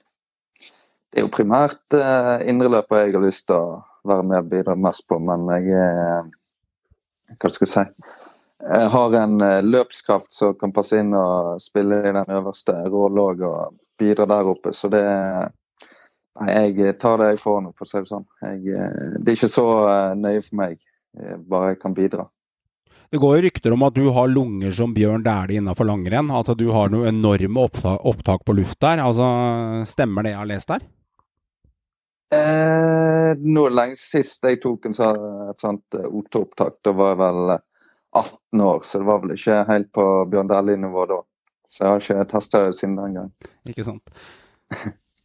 Hvordan har det vært, å følge det Glimt-laget her eh, denne sesongen? Jeg regner med at du har sikkert har sett en del kamper. Det må ha vært helt eh, nesten surrealistisk å se Jepe Hauge og Sinkernagel og gutta briljere. Nei, hva skal jeg si. Jeg har jo alltid har trent mot de på, eller spilt mot de på trening i mange år og veit hva de står for. og eh, At nå når de først har fått ut eh, sitt skikkelige potensial, så er jeg ikke overraska sånn sett. Men eh, hva skal jeg si Det starta litt sånn eh, Litt sånn misunnelse. Dette har jeg lyst til å Skulle ønske jeg var med på, så ærlig skal være. Og så har det gått eh, eh, Dess bedre det har gått, så har det bare blitt eh, ja, du er blitt målløs. Du er så imponert eh, som alle andre i Fotball-Norge. Så det er ikke noe, du, noe annet enn å ta av seg hatten for det. Så jeg er veldig glad for at jeg er på innsiden igjen, kontra å være på utsiden. Er det ti kamper? Åtte? Åssen er reglene nå for å kunne ta med seg seriegull? Hvis jeg ikke regner helt gærent her, eh, Vegard? Eh, for å være helt ærlig så har jeg ikke sjekka helt opp i det. Mm. Eh, men sånn på sparket her nå, så var det samme samme diskusjon i fjor når vi eh, med tanke på sølvmedalje. Og da endte alle, alle som hadde spilletid, endte vel opp med å få medalje. For eh, klubben får et par ekstra, så de eh, deler ut. Men jeg tror du har rett med at du må ha opp mot åtte-ti kamper for å være sikra. uansett.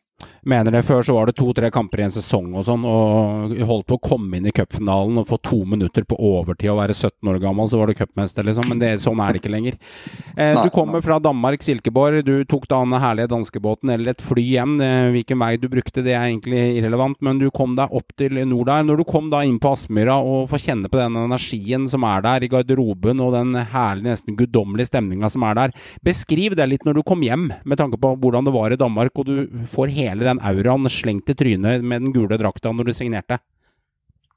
Eh, for å si, Jeg har ikke vært på Aspmyra. Jeg eh, reiste rett, i, rett på hotell og i karantene. Så jeg har, ikke, jeg har knapt eh, møtt noen fra Glimt. Kun oh. eh, Håvard Sakariassen og en, eh, eh, en Ørjan som er arrangementansvarlig.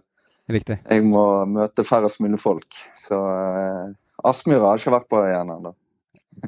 Du, du Men, har ikke kommet dit ennå, nei. Det er deilig når Nei. du kommer dit, da.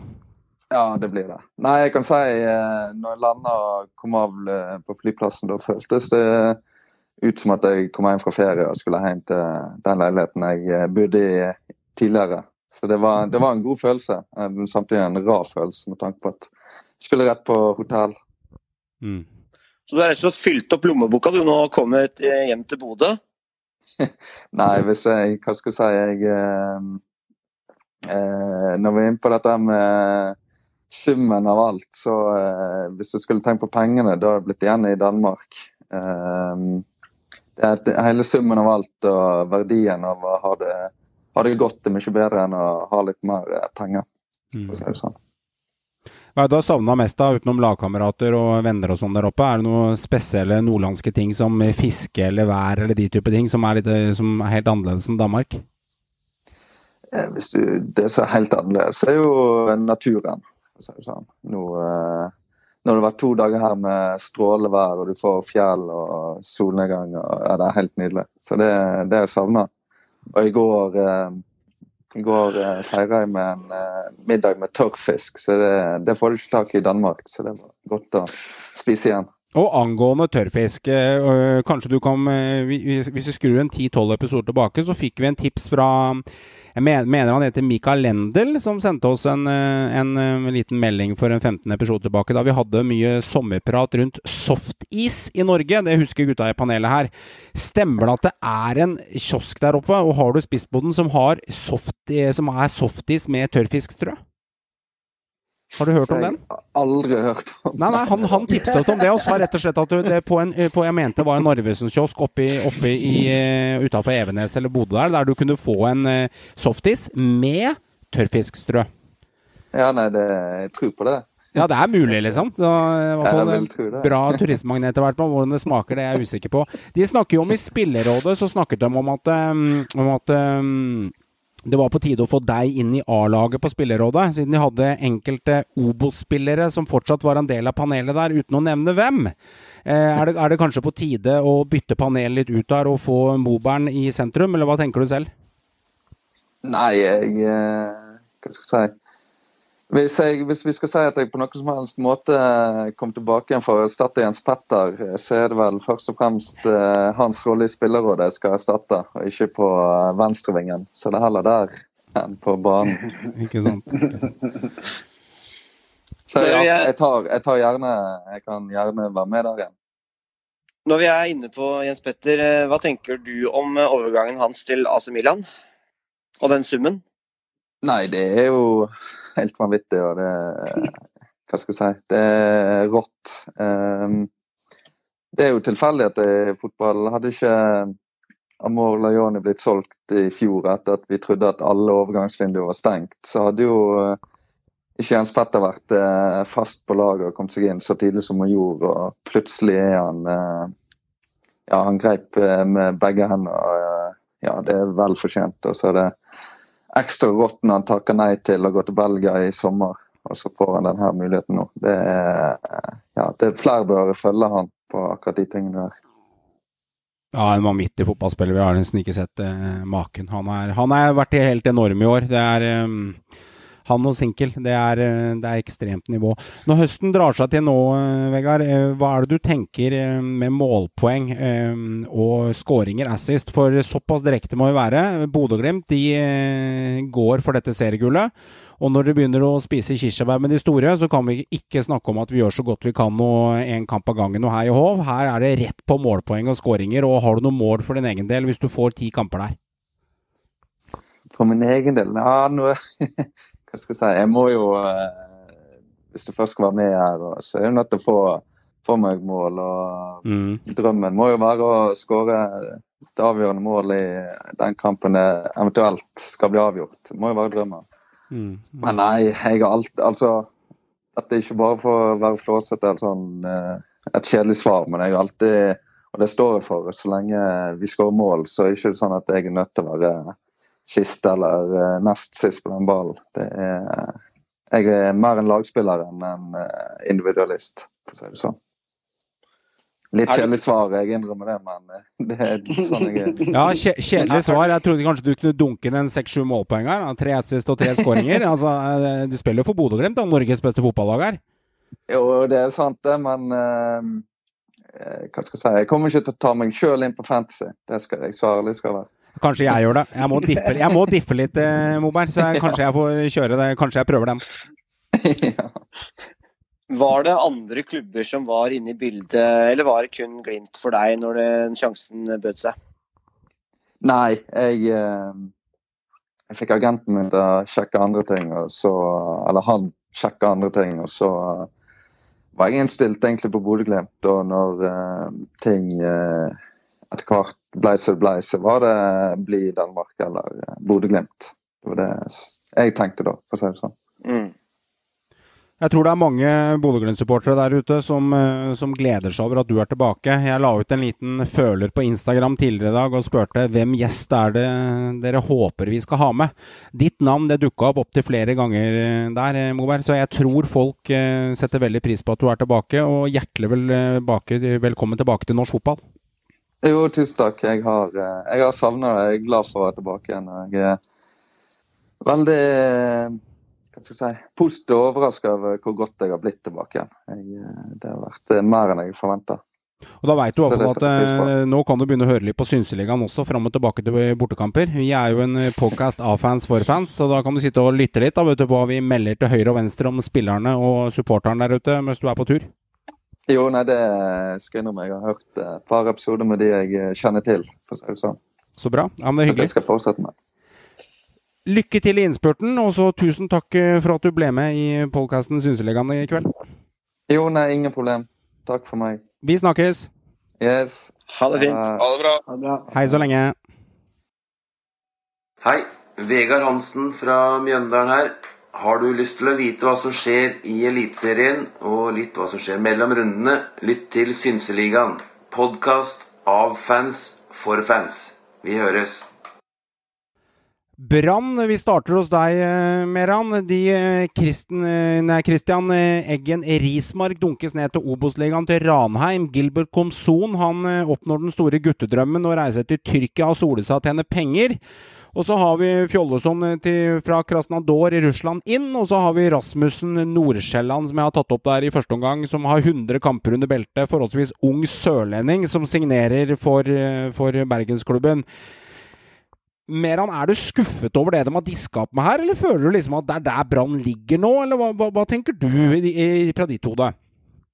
Nei, jeg syns de to de har henta inn er, eh, er, av bra kvalitet, jeg. Ja. Rasmussen jo, har jo vært uh, store snakk om. Han har jo over 100 kamper nå i Danmark òg, så det er jo ikke noe, det noe uh, flopp de henter hjem, vil jeg si. Jeg syns det er en god spiller òg. Jeg er litt overraska at det ikke var flere spillere de henta, men alt i alt så syns jeg de jobber i riktig retning med spillelogistikk i Brann, i hvert fall. Hmm. Håvard, eh, ditt hjerte er jo der. Kan du legge på Vegard Strønen Skeie fra Os, veldig lokal. Eh, helt ubeskrevet for meg. Jeg skjønner at det er noe eh, lokal hotshot her. Også Ole Didrik Blomberg fra Åsane har fått eh, gode tilbakemeldinger der. Også noe ungt, og, uh, ungt fra egen by. Litt annen retning. Eh, dine tanker om eh, Brann, Håvard. Jeg skjønner at du har veldig mye på hjertet angående, angående, Sander, som kanskje ryker i siste liten der. Og i tillegg, når du hører Ulland Andersen Sagmoen holdt på å, å, signere dagen før, så blir man jo litt sånn bob-bob og hele vinduet til Brann. Når de to storfiskene, kall dem det, eh, var nevnt i forkant der òg. Altså Det var jo Ulland Andersen som Brann eh, var casen altså de hadde jobbet med over lengre tid det var jo en spiller de eh, ønska seg dette helt tilbake til når Kåre var i RBK. Så var det en spiller som Kåre ønska å hente til, til Rosenborg. Det er en spiller som hadde passa ekstremt bra inn i Brann, tror jeg. Uh, og også en spiller som er ganske iskald oppe i Molde. Men uh, det det strander på, er sannsynligvis spillers krav til lønn.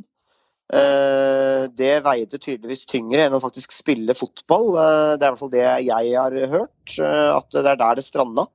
På, på, det var snakk om egentlig første gang lån ut sesong i første omgang, og så en ny vurdering. Men, men det strander der på, på, det økonomiske, er det jeg har fått med meg. Og Da ble det jo da en, en hastesak egentlig med Sander Svendsen, som var faktisk linka, hadde samtale med nettopp Molde. Eh, og da har Brann kasta seg inn i den casen i tolvte time. Og, og, eh, spiller har eh, signert og godtatt, men det er da en, en deadline som kanskje ikke er på riktig side av, av, av deadline. Da. Men uh, dette her blir faktisk en Fifa-sak nå, uh, for NFF uh, bekrefter at Brann skal ha levert papirene innen, innen frist. Og Det blir da en, en sak som, som vil, Fifa vil rett og slett avgjøre om Sander Svendsen blir brannspiller eller ikke. Men Det er jo også da en, en spiller som jeg tror vil eh, heve Brann, og, og, har prestert senest i fjor i Odd eh, veldig bra, når han var i Odd på lån. Og, og var meget god for Odense i fjor, eh, men nå er da ute i kulda i Danmark i, i, i OB og ikke får noe særlig spilletid. Men, men eh, dette er en spiller som jeg tror hadde vært veldig fin for Brann å få inn. Og, og jeg blir litt skuffa når vi, når vi sitter da ikke igjen med Ulland eller kanskje Sander Svendsen.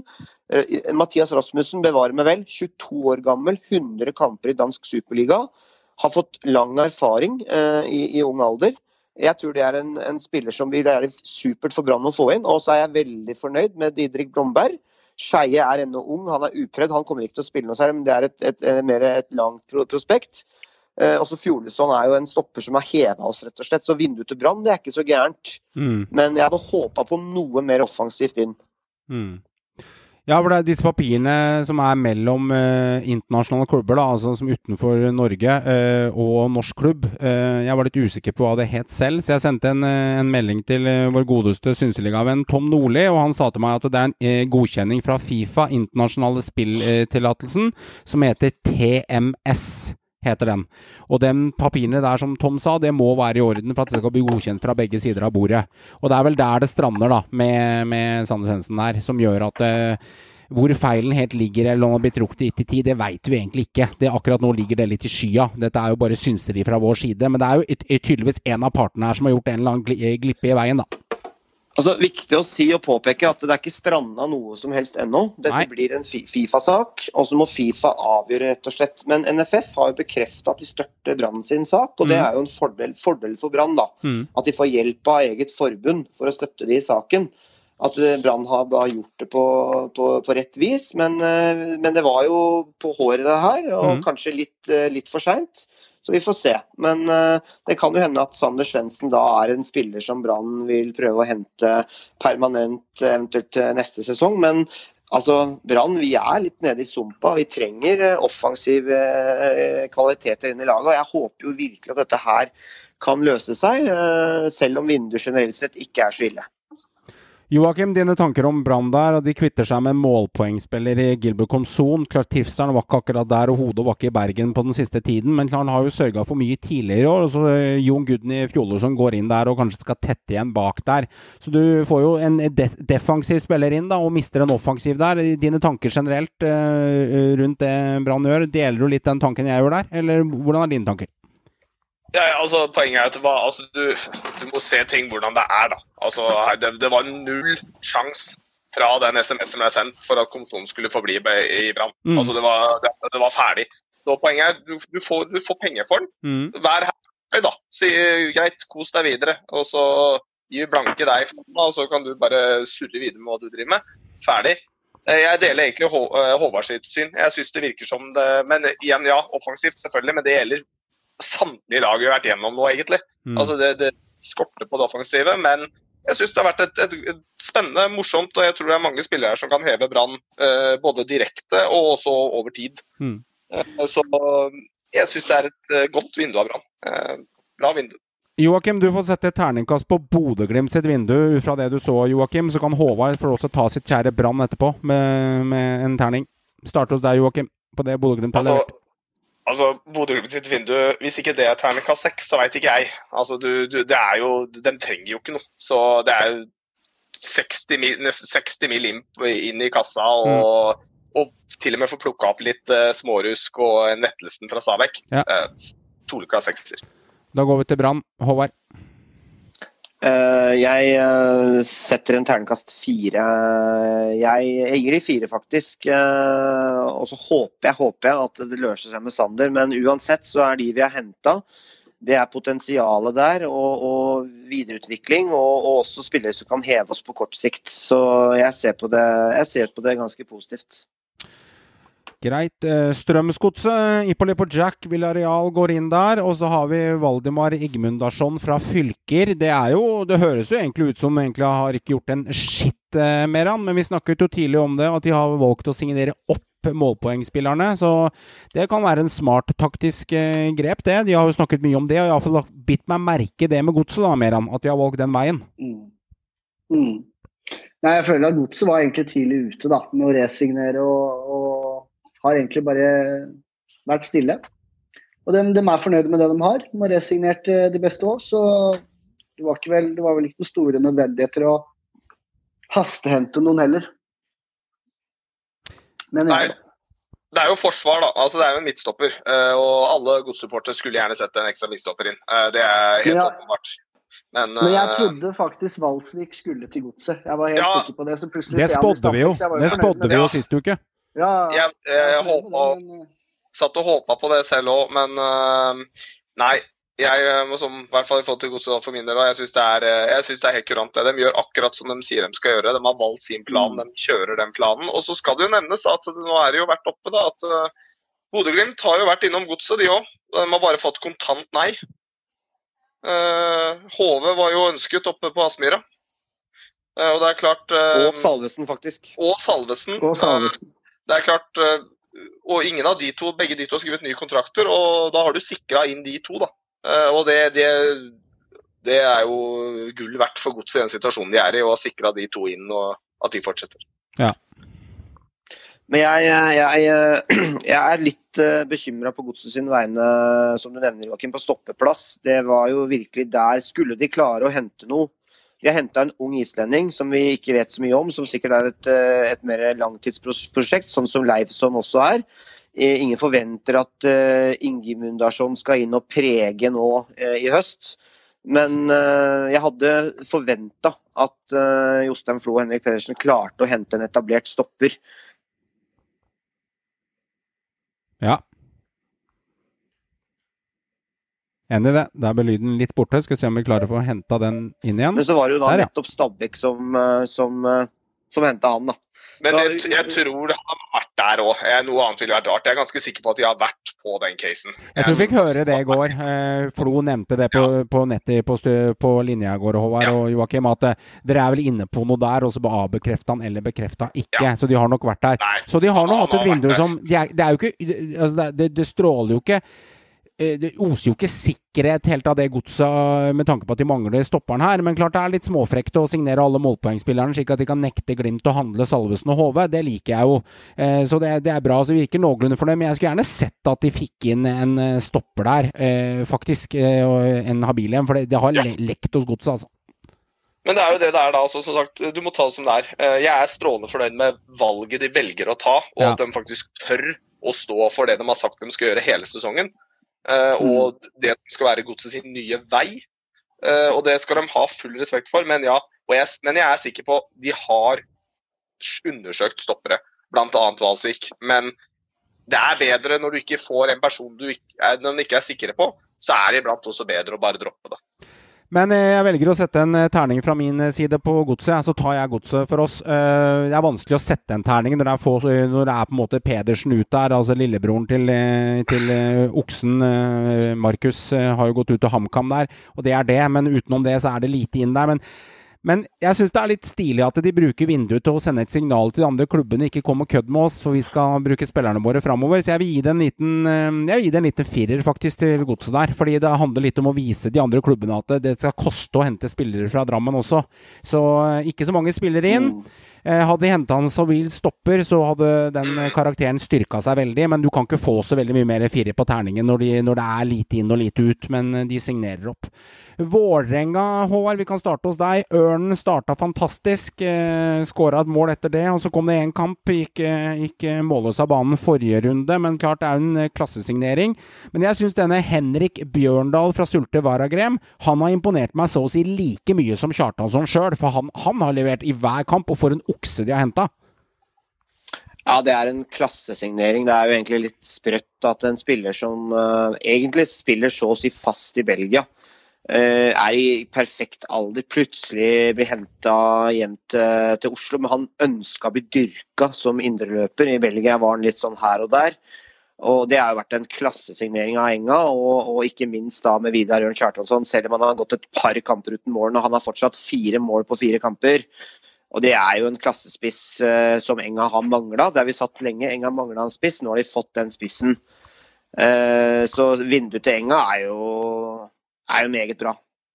Det er solid, vil jeg tørre å bare si. rett og slett. Det er et solid vindu. De har henta inn en be betraktelig bedre spiss enn det de sendte ut. Uh, og Bjør- Bjørndal, jeg satt og så Vålerenga mot uh, Mjøndalen uh, nå i helga, og det Altså, han, han eh, dominerte den kampen ganske kraftig. Det er, det er en Det er ja, klassespiller. Putta vel to mål over den kampen òg. Han skårer to, faktisk. Det er, nei, det, Mjøndalen ser begynner, begynner virkelig begynner, Nei, Mjøndalen ser Vålerenga under Fagermo begynner å se virkelig farlig ut. Mm. Eh, Og så skal har de, og så skal vi ikke glemme at de har faktisk beholdt Dønnem. Mm. De har beholdt eh, de andre offensive spillerne Mm. av eh, kvalitet, da. Så de har liksom ikke mista noe tunge ut heller. De har ikke mista noen av betydning. De har mista spillere de fint klarer seg uten. Eh, Mm. Det er det de har gjort. Og henta inn to solide forsterkninger. Så all bravur til uh, Vålerenga fra min side. Og så virker det veldig gjennomtenkt òg. litt før sånn, litt sånn desperate hentinger sånn på deadline day og sånn, eh, sånn som i fjor blant annet. Jeg, synes, jeg må faktisk berømme at jeg syns Jørgen Ingebrigtsen har tatt steg som sportslig leder, og til og med i media. Akkurat som han har fått litt sånn tupp i ræva Fagermo. Nå må du steppe opp. Ja. Fordi jeg syns Ja. han har faktisk kommet seg litt i media. Og, Men tror du han har tatt steg? Tror du egentlig han har uh, tatt steg, eller tror du egentlig Fagermo styrer med jernhånd og se ser ut som han utad? Nei, som jeg nettopp prøvde å si. eh, Jeg tror han har fått kanskje litt Tupp i ræva. og at Ja. nå må du steppe opp litt. Nå må du vise deg fram litt uh, være litt på. og Jeg syns han har blitt mer åpen, og jeg syns at han har gjort noen vanvittig gode dealer for Enga. Så tydeligvis så har han jo visse, visse kvaliteter, han Jørgen Ingebrigtsen. For det er jo noe med det å hente to spillere som går rett inn i laget og forsterker, som Kjartansson og Bjørndal, enn å ha fem spillere som kanskje kan ta steppet i et lag med an. Eh, Det er litt sånn eh, bedre med én eh, høns i hånda, en ti på taket, eller det gamle uttrykket. Altså Det er jo bedre å sikre kvaliteten der på de som leverer, enn å hente masse spillere som kanskje slår an. Det er noe med det òg. Jo da, men nå er de på en, på en god sti. da. Altså, Nå har de en, en langtidsplan da, når de henta Fagermo, og de har dyrka en tropp. Og så har de gjort noen lokale tilpasninger. da. Noe ut, noe bra kvalitet inn. da. Så det er der de har lagt uh, skytset sitt, og det har de uh, utvikla seg veldig mye på allerede. Kan vi avslutte hos deg, eh, Meran? Terningkast på det Enga har gjort, én til seks der. Hvilken terning ruller du? Nei, man kan jo ikke si noe annet enn en eh, femmer, da. Det Mm. er en vanvittig, vanvittig godt vindu av Vålerenga. Og den viser, som Joakim sa, nå er de, nå er de skumle, altså. Nå Mm. er de i gang. Mm. Bra. Odd, Robin eh, Simovic eh, hentet der. Og så har vi Vladimir Rodic fra Hammarby, lån ut sesongen. Og, og Junketelano hentes fra Wolfs tidligere Molde-avtale. De som har gått ut der, er Birk Risa for seks millioner, og Kasper Lunding var jo aldri dem sin. Det var lån, men han eh, gikk til Hercules Alemelo i Nederland. Gratulerer til Odd. Dere har stått for deres største salg siden eh, Rafek Seknini gikk for 15 millioner kroner til utlandet. Den Børven-summen på en par millioner i sommer den regner jeg ikke med da, for det var jo egentlig bare, jo egentlig bare en formalitet mellom Rosenborg og Odd. Men endelig, Håvard, så selger jo faktisk Odd en spiller før kontrakten er ute. Ja, altså den dealen som Odd har gjort, de får eh, seks millioner innad i Norge for eh, sin eh, da venstrebekk, som heller ikke hadde vanvittig lang kontrakt igjen. Og så får de da henta en erstatter som riktignok ikke er på samme nivå, men det er en lokal gutt. Kommer hjem til Skien. eh, tar over eh, lånet til Molde. eh, direkte erstatter inn med en gang. Ikke noe sånn kjempe, kjempestor eh, diff på de to spillerne, selv om jeg vil jo selvfølgelig sette Birk Risa foran. Ja. Men du tjener også god, en god sum med penger. Jeg syns avtalen til Odd eh, er for så vidt eh, ganske OK. Og, og du henter den direkte erstatter for Lunding med Rodic, som er en erfaren type som har spilt Gjort det ganske bra i svensk fotball i mange år, både for Malmö og Hammarby, og spilt i Danmark og litt her og der. En erfaren spiller som også har landskamper for Montenegro. så det er, eh, tror jeg er en, eh, det synes jeg er et ganske bra vindu av Odd, faktisk. Mm. Og også ikke minst Robin Simovic, fyrtårnet, da. Mm. Som allerede har begynt å putte litt. Litt sånn Kovacs-kopi nesten. Ja, en litt mindre sleipe versjon av Kovac, sitter jeg med følelsen av. Eh, Birk Risa, seks millioner. Eh, Joakim, er han verdt mer, verdt mindre, eller er det spot on? Jeg vil si det er ganske spot on. Det er, altså, det er en bekk det er snakk om. Uh, nå skal man ikke gjøre altså, bekker i Men det er mangelvare, da. Venstrebekker og høyrebekker er mangelvare. Det er ikke sånn at det gror på trær. Jo, men det har alltid vært, men det har aldri gjort noe med verdien på bekker uansett. Uh, Det er bare sånn det er. Uh, Så altså seks millioner når du går internt i Norge mellom to klubber som bekk, mer enn det får du ikke for en, for en bekk. Det er, det er lite. Eh, Men det er klart, Bir Krisa er sannsynligvis den beste Kanskje om ikke den beste bekken, så i hvert fall den beste venstrebekken i Norge. Det, Ja, det er- det, er, det er det ikke noe tvil om. Eh, Så Og han er ung, så det er Og han kunne fått mer, ja kanskje, men Ja. igjen, da. Det er, eh, han, han går til større klubb, får garantert en ganske mye fetere lønningspose hver måned. Så da kan du ikke bare nekte den å holde den ned- nede i Skien der. Da må du faktisk la han gå videre. Spesielt med tanke på kontraktstida hans òg, da. Så er jo seks millioner ganske decent deal, vil jeg si, da. Det er eh, Jeg tenker det er en god, god sum, jeg. Jeg er enig. Det er klart det kan virke, hvis de klarer å forsikre og ikke får så mye skade her, så begynner det backparet til Molde å se ganske giftig ut på målpoeng. I hvert fall hvis de to får spille sammen mye. Men, da kan eh, det bli mye. Men klart, du, Kitolano kommer inn der litt mer uerfaren, fått litt mindre tillit til Molde. Han kan ta store step eh, sammen med sin bror der nede i Skiensdraktene. Kitolano. Så har du Erik i Tromsø, blant annet. Så disse tre brødrene er jo eh, Det kommer en bror opp fra Obo snart òg. Så har du Kitolano, Kitolano, Kitolano. Så det hadde vært kult hvis jeg hadde samla alle tre. Men eh, ta det der litt med Odd. Man snakka hele tiden med Odd. De kommer seg nå, nå er de i form, og nå kan de true, herje og styre på. Ja ja, men de ryker på Ta litt resultater med Odd der. De ryker på en 4-1 mot Rosenborg. Fair enough, greit. Og så får de fire i sekken, eh, eh, Håvard, mot Haugesund. Så slår de et tafatt Stabæk eh, på Skagerrak, når Stabæk ikke var helt på der. Og så taper de 6-1 mot Bodø-Glimt. Ja, mange taper mot Bodø-Glimt sånn, men Odd har sluppet inn 14 mål på fire runder. Så det har jo skjedd noe der også. og Det, det, lukter, jo, det, det lukter jo litt svidd treverk når du slipper inn 14 mål på fire runder. Og eh, du, du, du slipper ikke bare inn seks mot Bodø-Glimt, det er mot Haugesund du slipper inn fire også. Så eh, eh, Så skal vi ta med oss at de leda 4-1. Ja, riktig, men, Og det er men, jo men, men utilgiv, utilgivelig ja, og det er kvalitetsmangel når du gjør det der. Når du slipper inn tre mål på fem minutter på slutten. Med Utur og flaks kan man skylde på i evig tid, men det er noe gærent også når det skjer. Så eh, Birk Risa går ut der. Defensivt veldig trygg. Kitilano inn. Ja, de styrker offensivt med Rodic og Simovic, men ja, jeg er litt sånn skeptisk også. Så kanskje de skulle hatt inn noe mer, for det er tynt bakover i Odd også. Gutta i forsvarsrekka begynner å bli eldre der. Hagen og Rudalen. Ja da, men eh, det er for så vidt greit nok. Men eh, altså, du Du, du har Bjørtuft som spiller der. Du har Steffen Hagen som holder noen år til. Eh, Ruud er gammel, ja, men han er jo virkelig steppa opp nå. Han er jo begynner å levere målpoeng og, begynt å faktisk produsere en del. og Alle ser på Espen Ruud som en veldig veldig solid høyreback, og det er han. Ja norsk vel bevares, men, men de, de har lekket de siste fire kampene. Bare, ta, Ja, bare ta det sånn. de, de er på en litt sånn nedadgående kurve, hele Odd, på en måte. De må snu det litt. Men jeg forventa nesten litt òg. jeg, jeg, jeg forventer ikke at Odd tar medalje. Det gjør jeg ikke, altså. Ja. jeg, jeg, du, du ser det litt tydelig at de henger du, du, Mot RBK også, så var det veldig tydelig at eh, det var ikke helt det samme Odd-laget som uh, feide over RBK eh, sist, liksom. De, de er på en litt nedadgående kurve. Jeg tror de skal jobbe veldig hardt for å være oppe i toppen uh, de siste ti kampene. Jeg tror de faller litt av, men det, det forventer jeg på en måte. Jeg ser ikke de på samme nivå som RBK, Enga og, og de laga der. Da kan du få avslutte, Håvard, med terningkast på, mm, på Odds ballklubb, for å bruke hele navnet deres. Nei, Med tanke på sum og sånne ting, og du tjener og du får en bra erstatter eh, Jeg syns det er sånn eh, mellom tre og fire altså, på terningen. Jeg syns ikke det er så gærent.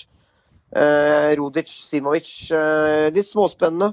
Eh, jeg bikker nesten på fireren, faktisk, med tanke på summen de tjener òg. Ja. Sandefjord, eh, David Vega inn fra Vålerenga, finner overflødig der. Mats Håkenstad, klassisk arbeidsspiller. Kups Finland kom han fra. Og Harmet Singh, som har gått rundt og trilla barnevogn i Frognerparken. Og til og med Jeg tror faktisk han hadde noen kamper for, eller noen treninger for Skeid for, eh, for en sesong eller to siden nå, da han fikk prøvespille litt der også, eller holde seg i i form, for å si det på en riktig måte. Ingen nevneverdig ut. Uh, for min del, jeg kan starte hos meg og snakke litt om det. Vega spennende. Kanskje det er en spiller som kan eh, trylle litt og skape litt X-faktor i det laget. For det virker som det er veldig systemspill i det, i det Sandefjord holder på med. Og ikke noe gærent med det, for det har også ført dem til at de har tatt mye poeng. Eh, så det har vært riktig vei, vei av Martis Sifuentes å gå. Men her får de en litt X- X-faktor. Mats Håkenstad For meg har det alltid vært en spiller som har levert på det helt greie, jevne. Det er sånn ingen nevnt, ingen glemt. Jeg syns ikke han er strålende det han gjør heller. Tydeligvis kommer han hjem fra Cups Finland fordi han har lyst til å komme tilbake igjen til norsk fotball. Harmet Singh har jeg dessverre ikke troa på i det hele tatt. Jeg tror rett og slett ikke han er god nok lenger. Så det vinduet her virker tynt av Sandefjord. Eh, og ja, for jeg har et argument der, da, at de må ikke være for komfortable, Sandefjord. Det er ikke sånn at det er ti poeng ned til bånn. Eh, så jeg hadde kanskje forventa at de skulle eh, dra opp én eller to spillere til. Jeg veit de har begrensa budsjett, men eh, hva tenker dere? Det siste du sa der, det er det jeg tenker. Dette er en klubb som måtte kutte ti millioner av budsjettet de hadde i Obos. Altså Jeg syns helt ærlig at den hylla de ligger på, det er der de ligger. Jeg tror ikke de klarer å trylle så mye mer enn de har gjort. Jeg synes at det de har klart å prestere i år. Dette var et lag som har tippa av nesten samtlige på sisteplass. Og de ligger på Mm. fin, trygg grunn nå. Altså, De er selvfølgelig ikke sikra, men altså, det vil overraske meg veldig om Sandefjord går ned eller havner på kvalik. Jeg syns at de har gjort en kjempesesong, og jeg syns også at de har henta relativt smart. Jeg er ikke så sikker på at det er så utrolig dårlig henta med Harmet Singh.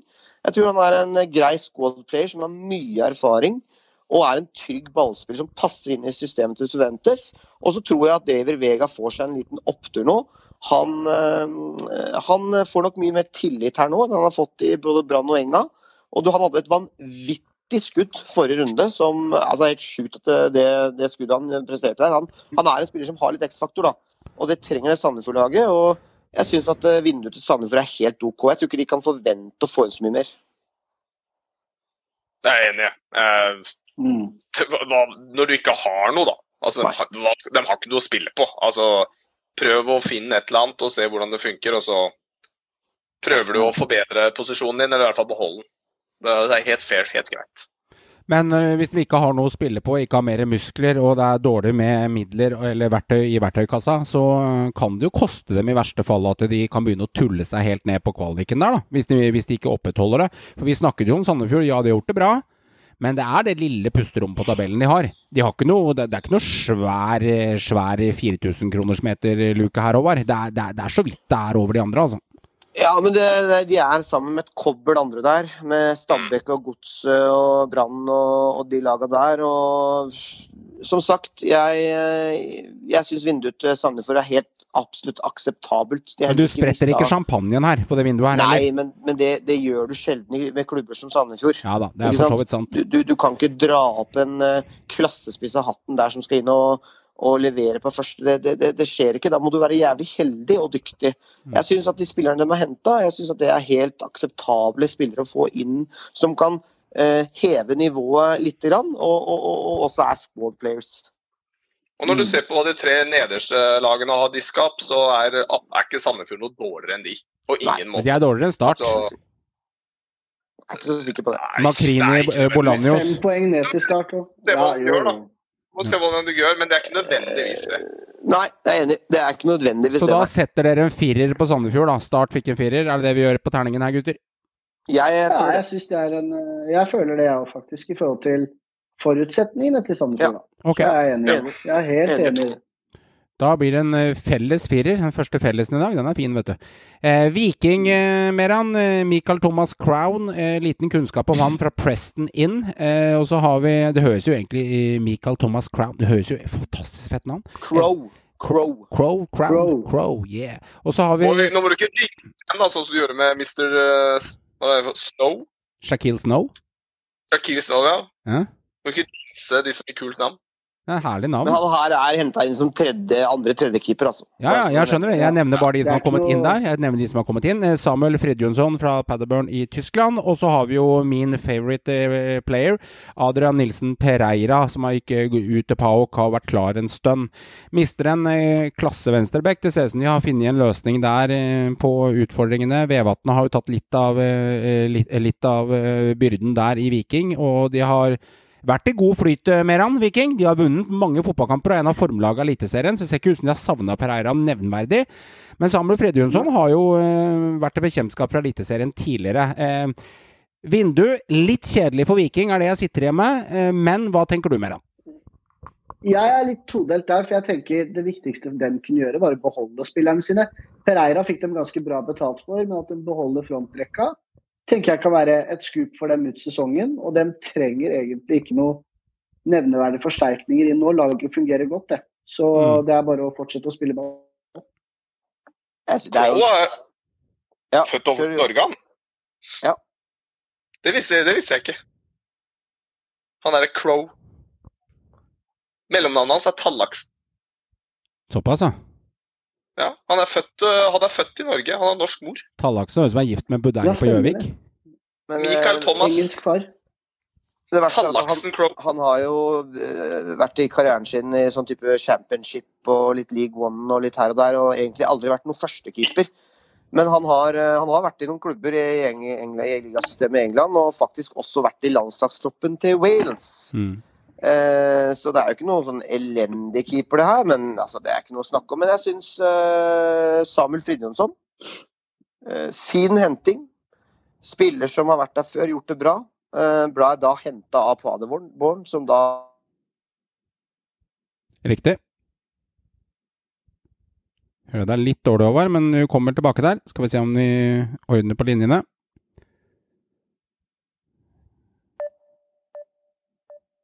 en der, eh, Der, der i fjor. Så jeg, sy jeg syns at den uh, hentinga der er ganske OK.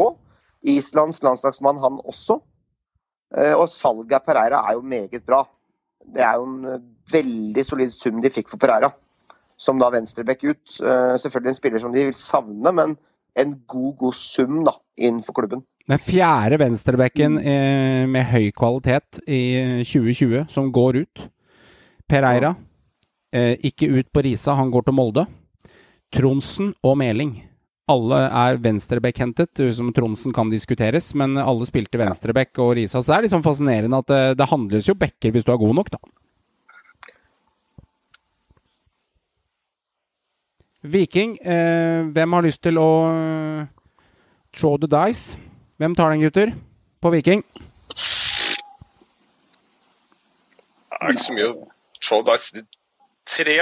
Ja. Ja, tenker Midt, midt på treet. Men, men igjen, de trenger på en måte kanskje ikke hente så sjukt mye heller. Altså, eh, de kan ikke hente en ny utfordrer på topp for Veton og Tommy Høiland. ikke sant? Og jeg syns de har henta en bra spiller på midten med, med greit. Fridtjonsson, og Mm. så helt OK. På det jevne. Og solgt. Bare Og litt, solgt. litt kjedelig.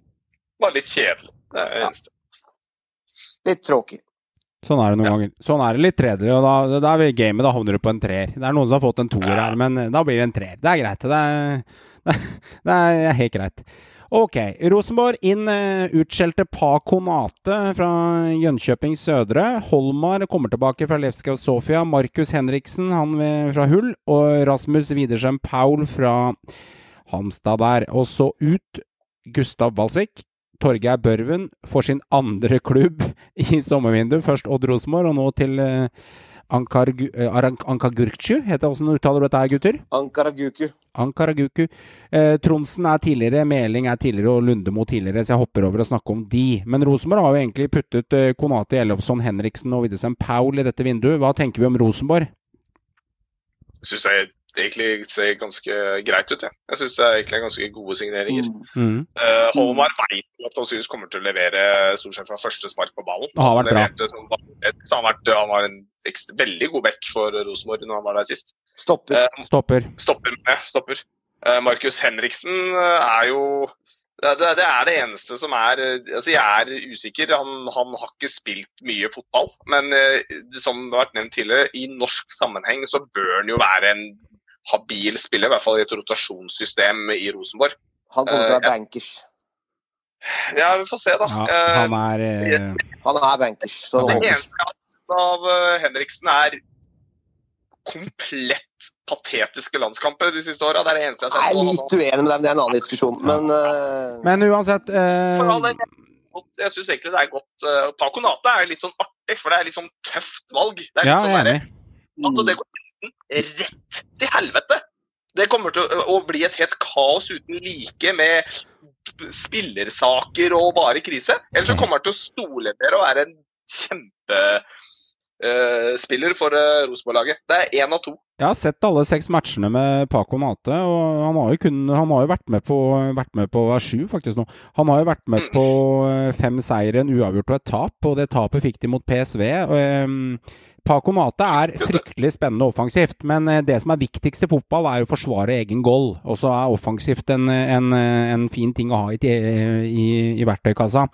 Litt rufsete defensivt, lite grann. Eh, må ha litt hjelp der på, på, vingen, og de vingene til RBK er jo ikke verdens beste til å hjelpe. Men, eh, men Doff spilte jo ving sist uten å gå for mye på ham, for å snakke om spillerne. Men jeg er litt spent på om han tar steppet defensivt i lengden her, men fryktelig spennende offensivt. Han er mye bedre enn det folk eh, omtalte han som i forkant. Han ble jo, han jo snakka om som var en pose twist, at det var bare latterlig hele greia.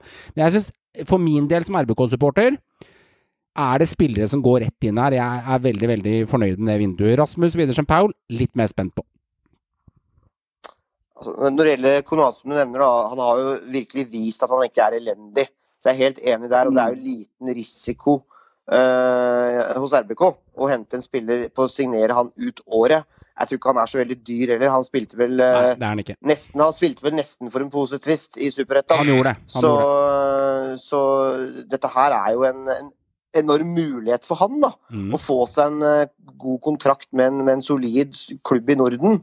Uh, og jeg syns også det virker litt spennende med han raske, unge svenske spissen uh, fra, fra Halmstad, som har skåret mye mål på nest øverste nivå. Så vindu til RBK med Holmar inn, som er solid. Markus, men jeg er en kjempesignering. Enig. Han, eh, han, har spilt på høyt nivå i utlandet, både i Premier League og i nederlandsk liga. Vært kaptein i AZ, vært kaptein i Hull. Havna i fryseboksen i, i Hull når han ikke ville signere ny kontrakt, og spilt lite det siste året. Men når han har spilt, kommet inn og, fått, og, og spilt på landslaget, syns jeg han ikke har gjort seg bort i det hele tatt. Det er min mening. Så Markus Henriksen inn, det er en, en hylle som RBK kanskje ikke hadde muligheten til å hente på, men han har kjærlighet for klubben. Han har sin far i trener, trenerteam, og han har også barn som skal da begynne på skole osv. snart. Og Gutten er 28 år, og han har sagt selv dette her var det vanskeligste valget jeg har tatt i min karriere. Om jeg skulle dra hjem nå eller hoppe på et nytt eventyr ute. For han hadde klubber som ville, ville ha han, bl.a. Watford og selvfølgelig da tyrkiske klubber som også har vært på. Og, så, så, jeg syns RBK ser styrka ut. Men jeg syns det som de fortjener kritikk for, bare for å ta det, det er henting av Børven. Og da selge den tre måneder etterpå. Det virker ekstremt merkelig og klønete håndtert, syns jeg. Bare fort uh, svare på at jeg absolutt tror han kommer til å være god nok for Eliteserien. Men jeg tror vi har sett på vidt forskjellige landskamper. For jeg syns han har vært tidvis patetisk på landslaget. Ja. Men, uh, for, da har du ikke sett de siste kampene, men det er en annen sak. Nei, ikke de siste, det kan godt Jeg har jo sett dem. Men, men nå er det Eliteserien han skal spille av, da. Nå skal han ikke spille ja, landskamper hele tida. Det, er, det, det er god henting. Det, det er god jeg syns det er en god henting. Altså. altså han hadde gått inn på hvilket som helst eliteserielag på midtbanen, ja. med all respekt, ja, ja. og spilt fast. Så det er, det er, det er, er top notch-henting. Enig med Håvard om Børven. Uh, jeg vil virkelig stille meg spørsmålstegn ved kommunikasjonen på brakka. Den ene mener den er god nok, han andre mener at den ikke er god nok. Altså, nå begynner å prate sammen, folkens. for at uh, det er en kar som skåra 21 mål i fjor her. Altså, det, er ikke noe, det er ikke noe tjafsespiss de sender av gårde. Og jeg er ikke sikker på, og jeg lar den henge uten å diskutere for mye, du kan få ordet etter meg, Meran. Jeg er ikke sikker på om, om Dino er så veldig mye bedre enn Børven hvis de hadde spilt med dem begge to. For Børven har én god, gode egenskaper, og Dino mangler nemlig det å presse og fart. Han er svakere der. Rosenborg med Paul Håvard, Rasmus Widersen Paul. Jeg er litt mer skeptisk faktisk enn det du er, selv om han er kjapp og Rosenborg mangler, eh, mangler en sånn type spiller. Han har den typisk Saeed-finta ved å gå inn og dra ned og legge inn, og han gjør det kjappere enn det Saeed gjør. Han skal ikke drille av tre mann. Det er bra med Paul. Jeg er bare litt redd det skal ende med en ny Jonathan Levi. Vi betaler for en spiller som aldri slår hjem i Norge, og så sender vi den tilbake til Sverige, og så blir det blomst der, for han er ikke god nok akkurat nå. Ordet er litt mer Meran. Jeg er ikke så sikker på det. Nå tenker jeg den viktigste signeringa Rosenborg har gjort i sommer, er å hente Åge Hareide. Og Det ser du jo allerede på laget, hvordan de har utvikla seg under Åge. Greit, de ikke har vært strålende spillmessig, men de har nesten ikke tapt en kamp. Det har de ikke. Og de har, det har i hvert fall skjedd ting i klubben. De har i hvert fall henta spillere. De har, jeg tenker Det er i hvert fall noe Rosenborg-supporterne har skriket etter lenge. nå skjer det noe, i hvert fall. Det er sant. Eh, selvfølgelig, Børven-håndteringa var jo Spør du meg, ser jeg på det som litt tåpelig, men, men allikevel, det skjer noe i klubben. Og jeg tror det har veldig mye med Åge Hareide å gjøre. Mm. Ja, han er jo på lista, han òg. Han er faktisk på lista, han òg. Åge Hareide som ny trener. Åge-hentinga er eh, selvfølgelig solid, og du, hvis ikke Åge får det til, hvem får det til, får det til Hvem da? faen får det til? Hvem, hvem, hvem skal klare det da?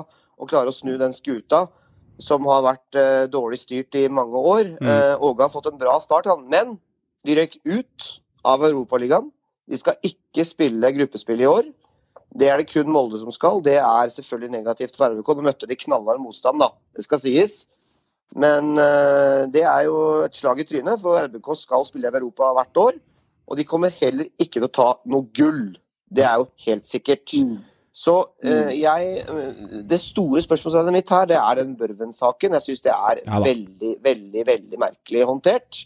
Når du da henter fjorårets toppskårer, som du sier, Johan, og han får egentlig aldri en Ja, ja. reell mulighet han får aldri en reell mulighet til å gjøre den spissplassen til sin. Han har blitt avskilta av Åge Hareide han. når han kom inn i klubben. Så enkelt av det. Dino er hans nummer én. Børven ble overflødig. Og så henter de inn en ung svenske som ikke krever å spille Ja. fast. Det er tanken her. Dino er nummer én-spissen, og jeg er også veldig usikker på om han egentlig er god nok for å være nummer én-spiss i RBK. Vi får se. Det blir spennende å se. Eh, La også én ting henge der. At eh, ja, vi vinner fotballkamper med han, og vi, vi taper jo ikke så mye der. Han har jo, akkurat nå så har jo Åge Hareide poengsnitt å bli seriemester. For han er jo, eh, hvis han hadde, hadde fulgt den trenden her. Men det går på bekostning av Saeed. Og det går på bekostning av Taksetten, som jeg liker å kalle den på sleng. Eh, Eddie Deagle. Det går på bekostning av litt unge spillere. Åge sverger til rutinerte gutta. Det kan vi ta i en annen pod. I dag så handler dette om transfermarkedet, og det er en lite ankepunkt som jeg som Rosenborg-supporter ikke liker helt, den utviklinga. Terningkast på Rosenborg. Eh, jeg skal la deg få den, jeg, Meran. Eh, vær så god. Ordet er ditt. Hva vil du si det er? Eh, hadde det ikke vært for Børgens, Børven-sagaen, så hadde jeg sagt faktisk en, en Egentlig en sekser, med tanke på at det er Siljan, det er Markus. Men jeg må gi litt stryk for uh, Børven-sagaen, så jeg sier mellom fire til fem. Jeg er også en ganske femmer, kanskje. Ja. Plasserer du på firer, så legger du på samme nivå som Start og, og, og Sandefjord. Nei, da er det femmer, altså. Ja. Da er det femmer. Henriks, Det er femmer. Henriksen trekker opp, Eyolfsson trekker opp. Ja, Siljan trekker opp, Åge trekker opp. Siljan er i forrige vindu, men jeg skjønner. Den er grei. Spiller ingen rolle, summen alt. Da legger vi en femmer på Rosenborg. Haugesund, eh, Ibrahim Kone, altså tilbake igjen fra Adana Demispor, tilbake fra lån. Han skårer jo alle andre klubber utenom i Haugesund. Han har vært over land og strand rundt. Peter Terkelsen fra Horsens lån. eh, Oliver Klitten fra Aalborg. Han har vært eh, nede hos eh, Olsen og henta en liten, liten lånespiller der. Samme som Bjarmann prøvde å gjøre med midtstopper der. Ut Ben Karamoko, og Benjamin Kjellmann er eh, lån avsluttet til Inter Turku. Haugesund sitt vindu altså, Jeg, jeg syns det ser litt halvtrist ut der, men klart det er litt spennende på noen av de, da. Men eh, lite kjennskap til mange av de spillerne der. Eh, det, det har jeg ikke. Kjellmann kjenner jeg til, og Karamoko. Eh, dine tanker, Meram, starter hos deg. Jeg føler det gjenspeiler egentlig litt hele sesongen til Haugesund nå. Eh, der de ligger òg, da. Plassen over eh, Så nei, jeg, eh, jeg er ikke kjempeimponert. Det er jeg ikke. Jeg hadde regna med at de skulle hente noe inn. eh, Litt mer enn det de har henta inn nå. Og litt Nei, jeg, jeg veit ikke. Jeg har egentlig ikke så veldig mye mer å si om Haugesund-vinduet. Ja. Syns det var litt tynt. Jeg syns det var litt tynt selv. Er det du henter deg et glass vann eller to, Håvard? Det hører noe eh, en, en vann, Ja, jeg der kom en liten saftglass. Kjempebra. Har du noen tanker om Håvard, om Haugesund der? Fordi at eh, det er mye lån her, da. Det er lån, lån, lån hele veien. Og det er én lån ut og én lån avslutta. Altså, er det Raka fant i, blant araberne? Er det penger å hente, eller låner man bare for å se hvor skoen trykker igjen? For at de ligger litt ubekvemt til nå, som Pallesen Knutsen sa etter, etter forrige kamp der. Det er ikke behagelig å være Haugesund-spiller om dagen heller, så de skulle gjerne hatt litt hjelp. Jeg synes jo, altså De to danske gutta de veit jo egentlig ingenting om, Nei, eh, for å være helt ærlig. Det er jo to eh, ubeskrevne blad for oss som, eh, som følger norsk fotball tettest. Kanskje en grunn da, til at de blir lånt ut. Mm. At de ikke er gode nok for de klubbene de, de spiller i. Og det er ikke noe sånn Ja, det er Aalborg, ja, og så er det Horsens, liksom. Som er på en måte sånn middelmålhavsfarer i, i dansk fotball. Eh, jeg syns vinduet er ganske sånn kjedelig og litt sånn trist. Du henter tilbake en spiller som ikke er funnet god nok. Han kommer ikke til å danke ut Varji heller. Eh, Haugesund ja, kjedelig. Kjedelig, kjedelig, kjedelig. Og ja, jeg tror kanskje at de burde sett på en litt annen hylle, men det er sikkert ikke midler, eh, muligens heller, til å hente forsterkninger. Så de har henta to dansker på lån, og så har de henta en spiller tilbake fra lån. Så kjedelig vindu, altså. Men vi veit jo aldri. Hva, vi kan jo sitte her med skjegg i postkassa, så er det flere av de som tar Eliteserien med storm utover høsten her. Så, men eh, jeg tenker Bevare meg vel. Bevare meg vel. Kasper Lunding, eh, som Odd henta på lån, han ja. eh, var jo en, en kjempefin spiller som plutselig nå er solgt til nederlandsk uh, elitedivisjon, liksom. Så eh, det, kan skje, det kan skje ting. Og, og Haugesund har jo hatt eh, faktisk litt suksess da, med å hente dansker. Ja. Så Det har det. eh, det kan jo godt hende at dette her er spillere de har uh, finsikta. Hvem men, veit? men, eh, men Inge André Olsen er ingen dumskalle nede i Aalborg. Og hvis han hadde sett en Oliver i Klitten som kunne slå an i 2020, høsten 2020, så hadde han ikke sendt den oppover til eh, Haugesund og Haugalandet mer, han. Så jeg tror nok at uh, dette er en utviklingsspiller som skal få prøve seg eh, i, i Norge. For, På noen minutter. på noen minutter. Vi kan sette et, Før vi går videre, så kan vi sette en kjapp terningkast. Håvard, hva legger du på Haugesund? Nei Er- er- Mellom to og to og tre, altså. Ja, ok. For meg. For meg. Da legger vi en toer på den. Eh, Kristiansund. Jeg noterer opp eh, Horenes Tadese. Eh, Sandneshuf tilbake lån. Ut Erlend Sivertsen til Tromsø på lån. Får være med å vinne litt fotballkamper i Obos-ligaen og prøve å spille seg inn der. Og så er Sierre Mor Mbaye, altså denne keeperen som jeg har omtalt tidligere som litt grann shaker med, med, med i henda, drar til Kjetil Rekdals eh, HamKam. Plukker enda opp en spiller. Eh, HamKam HamKam har jo sånn derre henta opp sinnssykt mange halv-ok eliteseriespillere som ikke slår gjennom helt til Norge. Men, nei, Eliteserien. Men Kristiansund-gutter, er det kjedelig dette her også? Har de det de trenger? Eller, eller ryker kanskje en liten medalje her for at de ikke forsterker der de skal? Jeg syns ikke du viser at du har lyst til å være med oppe i toppen når du ender med å hente tilbake en spiller på lån som heller ikke har spilt noe særlig på det utlånet. Så jeg tror egentlig det handler om at eh, Sandnes Ulf ikke hadde lyst til å fornye lånet, og du henter egentlig ingen. Du slipper ingen ut, men et kjempepluss da at du beholder Pelle, da. Det er jo et ekstremt eh, pluss for KBK, som beholder topp, toppspilleren sin, sin stjernespiller. Han var jo um, sterkt linka til tyrkisk liga, selvfølgelig Tyrkia. Det er jo der spillerne i Eliteserien er linka om dagen. Uh, I hvert fall de som ikke er helt, helt topp, topp, topp notch uh, og i rett alder. Eh, Men eh, kjempestyrke for KBK å beholde Pelle. Også, men jeg hadde forventa at de kanskje skulle satse litt mer. Men dette er en klubb som ikke bruker mye penger eh, på spillekjøp, faktisk. De henter billig og tenker utvikling. Nå har en OK tropp, da. Så Ja da. Og det var det- det viktigste her, å beholde troppen. Men du kan jo ikke bare Nei, hente for å hente heller. Hvis de er fornøyde med troppen sin, så fair enough. Da er det, det er ikke vits å hente noen, da. De ligger jo godt an på tabellen. Taper sjelden fotballkamper mer, så de henger jo med. Ja. Det var det jeg skulle si for du avbrøt meg. At Ja, så lenge troppen deres er veldig god, Mhm. så er det ikke noe poeng å hente heller. Spesielt når du endte opp med å beholde Amal. Så syns jeg egentlig Ja. eh, utviklingen av deres har vært bra. Og jeg tror Mikkelsen puster letta ut og kan fortsette arbeidet utover høsten. Da er vi klink enige, da, egentlig. Det er det samme som vi Ikke sant? Altså, hvis jeg skal sette en, jeg kan sette en karakter på Kristiansund, ja, så kan dere få de to siste. Jeg tar den kjedeligste av de, for vi skal gjennom eh, Molde og Sarp etterpå, og de er skitspennende. Men eh, Kristiansund, skal jeg ta den kjipe? Eh, jæklig kjedelig vindu. En toer. Men eh, du får vippe opp den en treer, for jeg skjønner kanskje at det ikke er penger og behov akkurat nå, så vi får legge det midt på. men jeg, jeg ruller en toer på de, for det ser ut som de ikke har tenkt å gå til innkjøp av noe mer, så får folk være uenige der ute. Molde, Birk Risa inn og John Kittelano ut. Det er vel det jeg har skrevet opp som de store. De har noen der, Ianes annet, som har gått til Brattvåg, som har kommet tilbake og så leid ut igjen og sånne type ting. Men det er ikke noe stort å snakke om i Molde-regi. Molde um, Håvard, vil du starte og snakke litt om Molde?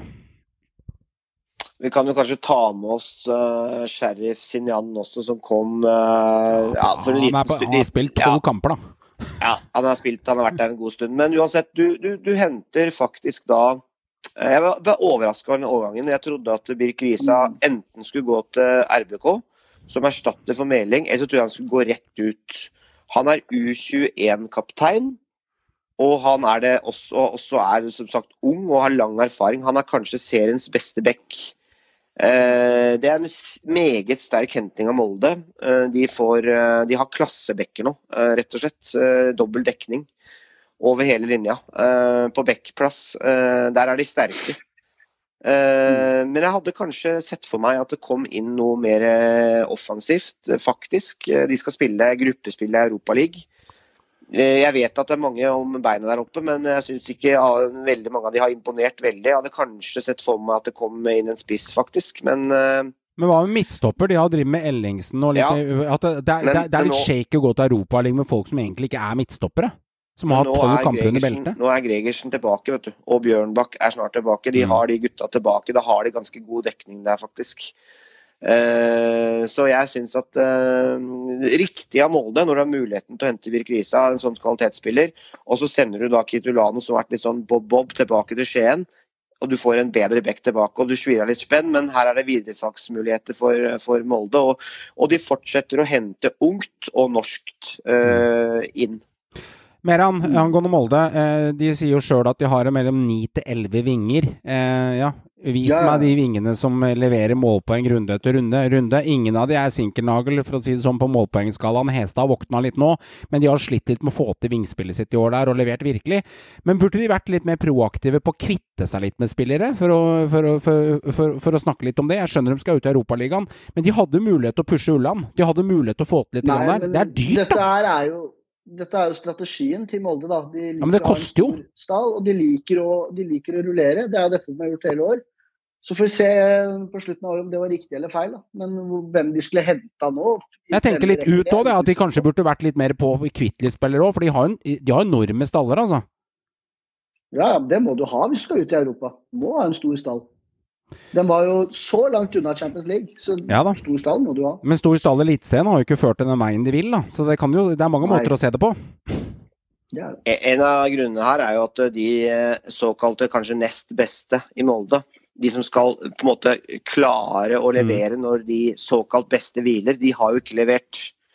Ikke sant? Og så har det spredd seg i hele laget. De har jo vært elendig. Eh, og Brann var også nære på nå. å ta Men Håvard, er de, da, er de nest beste da gode nok? Det er det store Nei, de har jo ikke vært det. Det er det som Nei, er poenget mitt. De har jo ikke vært det. En spiller som Tobias Christensen, som Ja. jeg trodde skulle ta steg. Som jeg trodde skulle være en, eh, en mann som kan gå inn i Eikrem-rollen. Eh, han har jo skuffa meg enormt. Ja. Eh, Eirik Hestad har vært en skuffelse. Brynildsen har vært veldig bob-bob. Eh, Brynildsen har vært opp og ned. Riktignok ennå ung, men, men jeg hadde kanskje forventa mer av han. Jeg hadde i hvert fall forventa mer av OI og Leki James Skjønner. som har vært en kjempeskuffelse. Andreas Linde, klassekeeper, vært meget god i år også. Men, men det er jo også, syns jeg, bekkene til Molde, Holmgren Pedersen, vært ekstremt bra. Kjempehenting. Men, men det er mange spillere hos Molde som er skuffa. Det er ikke noe tvil om. Det er derfor jeg mener at de kanskje burde vært litt mer på der for å, for å sikre andrerekka si. Jeg skjønner at de har svære, breie staller, men akkurat nå så ser ikke ut som den stallen er god nok til å hamle opp med det som er best i Norge, som er Glimt. Så de burde jo kanskje ha gjort noe også. Det er bare litt for å Ja, det tenke, Det burde, burde, det er jo rett å være etterpåklok. De har en god, veldig, veldig god stall, men de har ikke prestert godt nok. Mm. Det er det som er eh, rett og slett hele greia her. Og, og det virker som at den taktikken som Erling Moe har valgt, Ja. den har vært litt feil, rett og slett. Så din oppsummering med, med terning der, Sagmo, du kan få den. Du har jo eh, du har ikke henta mye, men du har henta en klassebekk. Og mista en bekk. Ja, og mista en bekk. Du har erstatta en, en, en, en, eh, bekk på lån med en permanent signering og en god bekk. Eh, For meg er det firer. Ja. Fordi det er en, eh, en, en meget god bekk, Ja. men jeg hadde forventa noe mer. Riktig. Yes, rosinen i pølsa til slutt. Jeg har vært tidligere ute mot eh, Berntsen i Sarpsborg og sagt at han spiller jo fotballmanager. Det er jo en av våre første episoder med han av Synseligaen. Thomas Berntsen spiller fotballmanager når vi snakker om 75 spillere på tre år, og jeg var ute med kniven flere ganger mot Berntsen der og mener at eh, jeg syns det nesten er uansvarlig måten å hente fotballspillere på. Han har også sagt at eh, vi må gå tilbake til litt av den gamle modellen.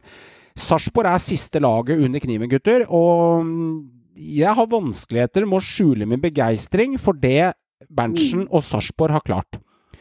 Kolibali, Ja. Strand Larsen, Aslak Falk Hopp over dem, da, til Sandnes Ulf. Men de har solgt spillere for store, feite, deilige summer. 30 par og 30 millioner for de spillerne der.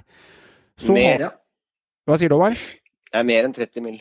Er det ikke 25 for Kolobali og en 7-8 for Strand? Nei, Det er 40, kanskje? Du Nei, nei, nei. det. nei, nei. Det er 15 og 25? Vi snakker, vi snakker 40 Vi snakker 40. Ok, Vi snakker 40. 40 millioner kroner og, vi- og videresalgsavtaler, det vet vi ingenting om ennå, men det ligger sikkert noe der. Eh, Saletros på to og et halvt års kontrakt, signert i siste time.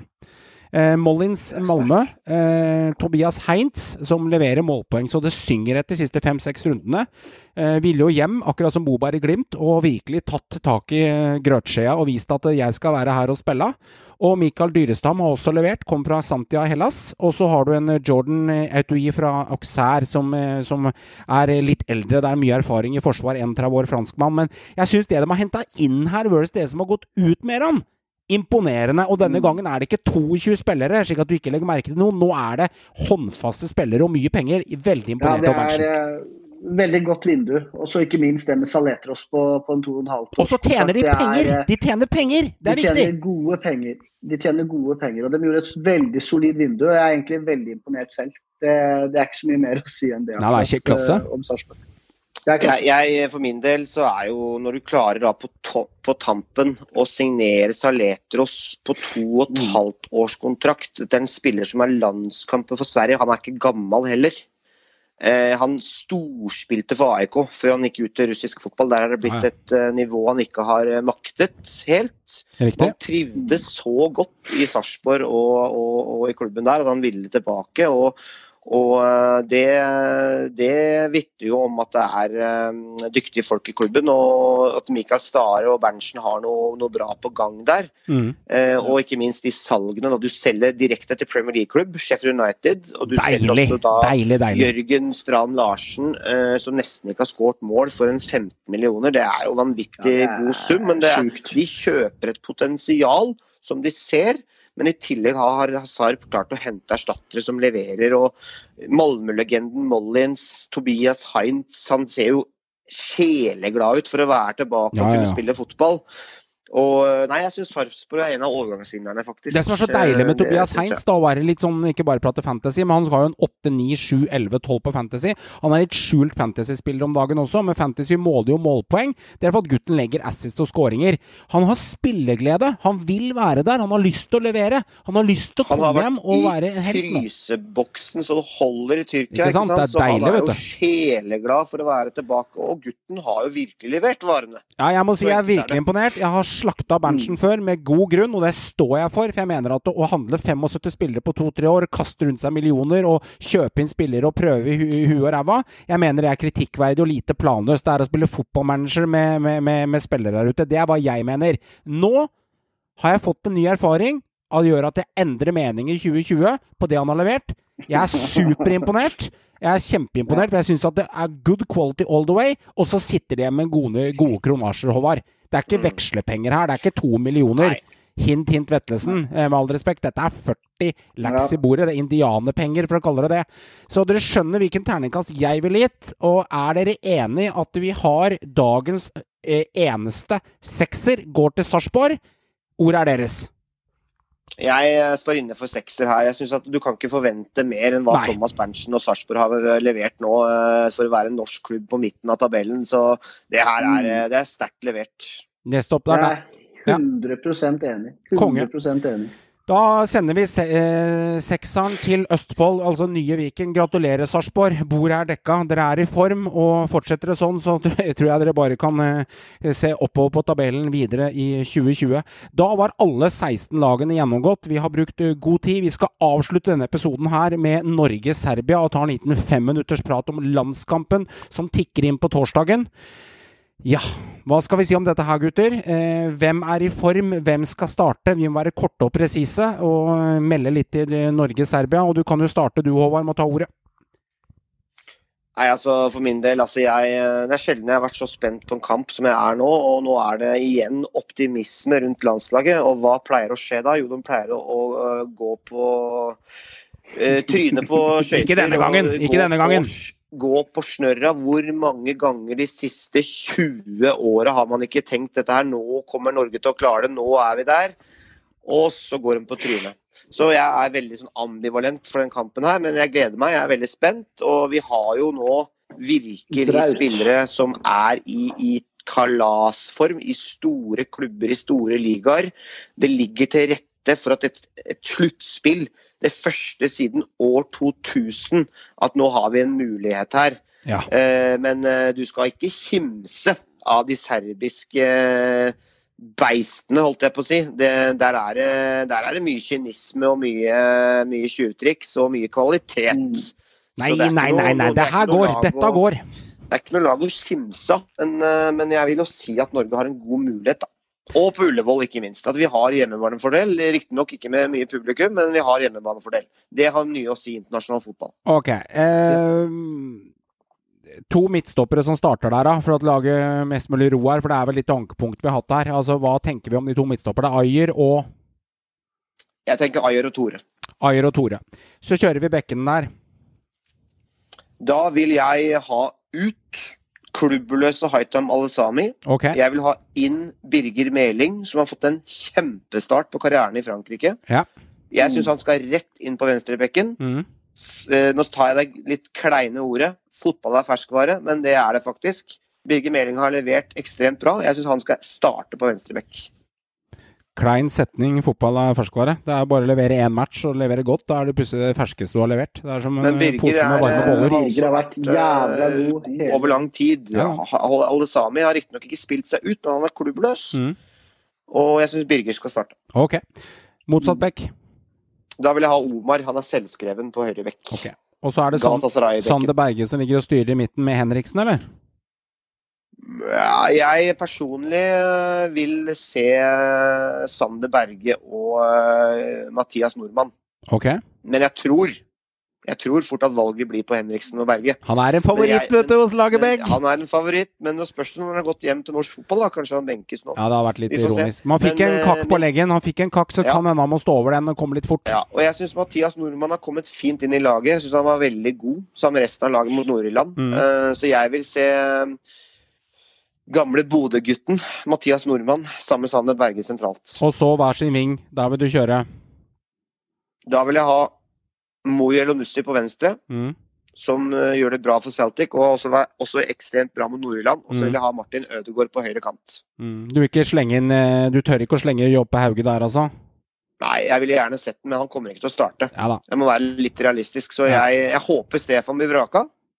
Han vil jeg se på benk. Mm. Vår kaptein, han må benkes. Ja, ja. Han, spiller ikke, han spiller ikke fotball, Mm. så vi må starte med Moe Lonussi, Mm. som har uh, ferdigheter én mot én. Det eier ikke Stefan. Mm. Og vi har også en ekstremt god Martin Ødegaard, som har starta kamper for selveste Real Madrid. Det er riktignok ikke sin beste form, Nei, men er dette. Martin Ødegaard på Real Madrid, han må starte Ja. på Norge. Og tenk at Martin bare kan tre gjennom da, oksen fra Jæren på topp der, som en innoverkant som skjærer inn Mm. med sitt venstre ben. Nei, det blir vakkert. Og så spissene Og på for å topp, ta det gutta på topp, sier da vil jeg se det nye superparet vårt, Braut og Sørloth. Jeg blir jævlig skuffa hvis Joshua King starter den kampen her. Det gjør han ikke, tror Han jeg. må på benk. Men hvor, hvor, hvor skal du få plass til Myggen? Igjen. Myggen er vraka i dag- lagoppstillinga di, Håvard. Myggen han får seg jobb som uh, litt sånn saftblander og motivator på sida. Ja, men det er greit. Så lenge han er med. Det er det, det med vakre Myggen. Meran, er du enig i dette her? At vi, dette er laget vi disker opp med? Ja. jeg- ja. Braut og Sørloth på topp, topp. Det, er, det er det eneste jeg bryr meg om. Og Martin på flanken der. Da er det greit, liksom. Så, så er det greit. Mm. Jeg, jeg, jeg Heia, heia. Det, Det er jo vi tar siste, det er jo ofte sånn vi tippa resultat for 14 dager siden, men det er jo ofte sånn at man eh, Vi kan ta en resultatrunde før vi setter strek, gutter. Og man må jo kjenne litt på Kjensland. Eh, hva sier Kjensland, som Janne Ønstad ville sagt? A, Meran? Kjensland? og hva min pappa ville sagt, det er Jeg tror 2-1, jeg. Vi legger til pappa i gåstegn, bare så lytterne skjønner det. Ja, det er, eh, Janne er min pappa. Det Ja. er ferdig. Det Din er, far, Janne. Jeg, jeg tipper eh, Jeg tipper 4-1 til Norge. Oi, oi, offensiv kropp. Ja, jeg kjører beinhardt. Jeg, tror, jeg har god følelse. Jeg tror vi tar ledelsen 2-0 før det har gått en halvtime. Og så tror jeg serberne goller på noe kjapt rett etter pause. Og så tror jeg de må fram, og da tror jeg de sprekker opp. Og da er det Brout-show. Altså, jeg skulle gjerne likt å følge deg på den, men jeg tror det blir tett og jevnt. Jeg tror det blir 2-1 til Norge. Kjipe folk. Dere melder Ja, eh, jeg, jeg håper jo selvfølgelig at det blir skikkelig Braut-fest, og han bare Ja, ja. Inn, eh, liksom. Så Sånn er ja, det. det blir spennende. Spennende kamp.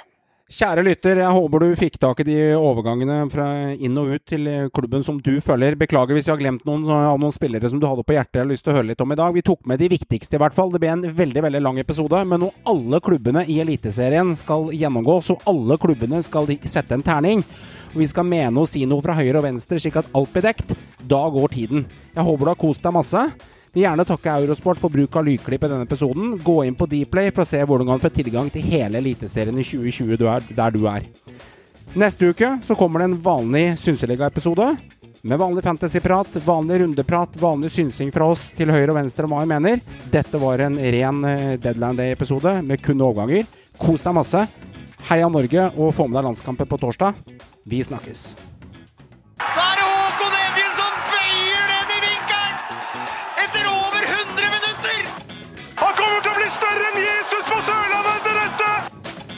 Folk pisser eller folk er likegyldige. Det er det verste som skjer med en fotballklubb. Det er faen meg undergangen, det. Og det er han som omtrent aldri skårer mål, som prikker den inn nede ved stolpen! Det, det jeg gleder meg mest til, er alle diskusjonene som kommer, og alle som kan alt om fotball, som dukker opp igjen og, og vet fasiten.